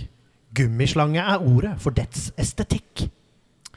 Ok, et blast from the past i nivå og musikk. Gummislange er ordet Det Snake. for dets estetikk. Gummislange Ok, det er jo noen eh, kodeord her. Uh, et blast from the past i nivå og musikk. Det høres ut som 8-bit, da. Eller sånn bip, bip, bip, bip, bip, bip, bip, Eh, men ja, Snake var ikke så dumt, egentlig. Uh, gummislange? Rubber. Rubber snake. Oi, kanskje det er uh, Whizball? Det, er ikke, det vet jeg, jeg vet ikke hva jeg Det var et spill på Windows 95 hvor man måtte dele av skjermen med sånne slanger for å fange baller i forskjellige rom, og så skulle du få mindre og mindre rom. Ah, Um, men le, musikk ja, ikke sant. Uh, blast from the past i nivå og musikk. Ja, altså gummislange det, det, kan- det, det kan bety to ting. Det kan bety rubber snake, men Ah. også en annen ting. Rubber. En slange. Mm. Kojima kanaliserer her. en, En gummislang kan bety en annen ting. Rubber um, eh, Kan det være brannslange? Kan det være rubber Å å ja, snake. Kan det være solid snake? Kan det være Metal Gear Solid noe der? Rubber snake? Uh, Eh, nivåer Sier du at Snake en rubber snake? På grunn av klærne han har på, som er så Ordet, ordet slange her skal ikke oversettes til Nei, slange. det skal ikke det. Ok. Snok. Uh. Nei, jeg, jeg, har ikke noe, jeg har ikke noe her, jeg, altså. Uh, har du, kommer du på noe? Uh, mhm. Les den en gang Ja, til. du, jeg ser, nei, men jeg ser, jeg har lest den en gang til. Ja, et blast from the past i nivå og musikk. Gummislange er ordet for dets estetikk. Ja, worm, sa du, ja. Ja. Det er kanskje ikke så dumt. Worm, rubber worm. For estetikk! Så det er liksom gummislange har noe å si for hvordan det ser ut. Det er ikke noe nødvendigvis eh, med spillet. Nei, jeg har det ikke. Vi må ha et Mm. ledd til, tror jeg. Her kommer ledd to. Ja. 2030-tallsarten er fryktelig stas, med en fyr med et hode som kan gå i knas. Oi. Er det Cuphead? Det er Cuphead! Ja, det er cupen!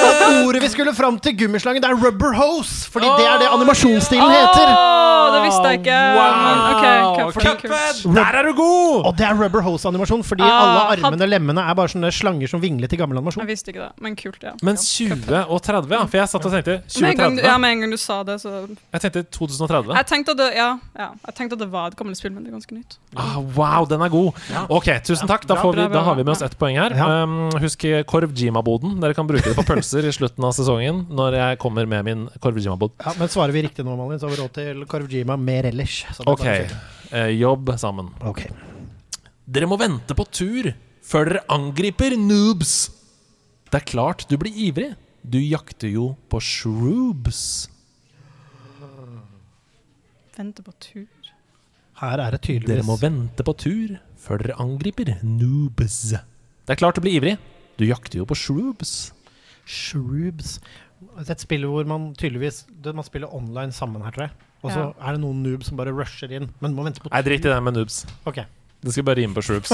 Seriøst? Jeg vet ikke hva shrooms er.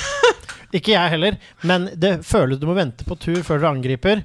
Dette føles ut som jeg, Kan jeg kaste ut et gjett? Ja, ja. Er det Plants vs. Zombies? Nei, Nei. Det shrubs, shrubberies. Så jeg tenkte kanskje. Men ja, det er absolutt vent på er det Pokémon. Ja, det, nå er du inne på noe. Oh. Fordi det, det er jo Er turn-based. Ja, ikke sant. Shroobs Vi jakter på shroobs i turn-based format. Det er turn-based. Ja. Shroobs. Jeg vet ikke hva shroobs er. Det er ikke Harry Potter igjen. Nei. Det er ikke Fan 57. Nei, det er ikke det. det, er ikke det. Nice earmuffs. Ja. Skal dere ha neste Ja, ledd? ja, Jeg tror det. Jeg, jeg tror Hvis dere hadde spilt dette spillet, uh, så hadde dere skjønt det nå, på en måte. Men okay. det er altså, det er kanskje Ok. Samtidig, jeg føler meg ekstra trygg. For jeg og min bror, vi bærer babyversjoner av oss selv på rygg. Hva er det? Death. Death Stranding. Det er ikke turn-based, men Det uh, Ja, du sa baby. Og de bærer babyen foran. Uh, de bærer babyversjoner av seg selv på sin rygg. Jeg og min bror. Jeg kan være trygg. Ja. Og ja, kan de De jakter på shroops. Nei, det er jeg jeg vet hva. Hidio Kojima har tatt over Hedos body her, og nå er jeg helt blank, altså. ja. Jeg kan si at uh, Dere kan jo um, prøve å tenke dere fram til hvilke kjente brødre vi har, da. Mario. Mario Luigi. Bærer de noen gang babyversjoner av seg selv på sin rygg? Er det turn-based? Er, og er det Er det, er det Å! Å! Å! Nei. Al- Altså, han har et lurt fyr. Kan det, er det noe som Er det, ma, turn, er det Mario RPG? Det var veldig spesifikt. Det er et Mario RPG. What? Det er et Mario RPG? Men er det, det- er det Hva er det det heter, da? Nei, det er jo ikke RPG. Vi skal til Nintendo DS. Er det Mario Party? Nei. Et Mario RPG på DS? Altså, et RPG på det er Altså, ja, hvorfor kom Men er Bowsers Castle Nei, Shroobs Paper Mario? Å, da- du er nære. Dere, dette dette vet dere ikke. Nei da, dette vet dere ikke. Men det er altså på en måte tre Det er jo tre uh, grener i Mario RPG. Det er Super Mario RPG, som du snakker om. Og så er det Paper Mario. Og så er det denne grenen, som er den tredje grenen. Og den grenen heter Mario and Luigi. Heter den grenen. Ja! Og dette er spillet Mario and Luigi Partners in Time. På Nintendo DS. Og Der går de altså rundt med babyversjoner av seg selv på ryggen. Og den øverste skjermen, der er det, spiller du, for du hopper mellom tidsversjoner. så den øverste skjermen så er de babyer, og på den nederste skjermen så er de vanlige. Og innimellom så møtes de, og da har de babyversjoner av seg selv på Det var ryggen. vanskelig. Den er, van- den er Den vrien, men altså, den, har man, den, det er kunnskap man må ha. Men vi kom nærme Vi får ikke til, vi får ikke til tilbehør på, i Korojima-boden. Men, men, men vi, Mario RPG, da. Eh, pølsebrød. det, det er pølsebrød med ketsjup og sennep bare. Da. Dere, det har vært en fantastisk eh, Det er fantastiske to timer. Så utrolig gøy å bli kjent med deg, Malin. Ja, Du er en super person, rett og slett. Tusen takk. Og en eh, nerdestjerne. Dere også. Ja! Og en nerdestjerne på vår nerdelandslagshimmel. Um, hva skal vi gjøre nå, dere? Du, nei, nå skal Spiderman, Rorschach og bestemor Duck ut og stoppe, stoppe kriminelle, tenker jeg, i Oslo-natten. Tusen takk for at du har hørt på. Gå inn og følg oss på Patron. hvor kan man følge deg, Malin? Uh, på Instagram og Twitter. Mhm, og der er det Malin Falk. Ja, Malin T. Falk eh, som bruker den. men Du kommer opp hvis du søker Malin Falk. Gå inn og gjør det. Eh, Jeg har allerede kost meg med fine stories av nordlysbøker fra fans, og eh, ikke minst fantastiske Zelda- og Link-tegninger. Det ser jo ut som du kunne jobba enten i Nintendo eller Studio Ghibli, så jeg blir jo helt eh, varm i hjertet. Jeg Jeg. venter på at de skal saksøke meg. Oi, Det kommer de ikke til å gjøre. De, du kommer til å starte samarbeidet som gjør at vi får den første spillefilmen fra Studio Ghibli fra Zelda-universet. Ja. Oh. Tusen takk igjen for at du har hørt på. Vi snakkes igjen om bare én uke, vi. I mellomtiden eh, Kawasoni! Kawasoni, som vi alltid sier!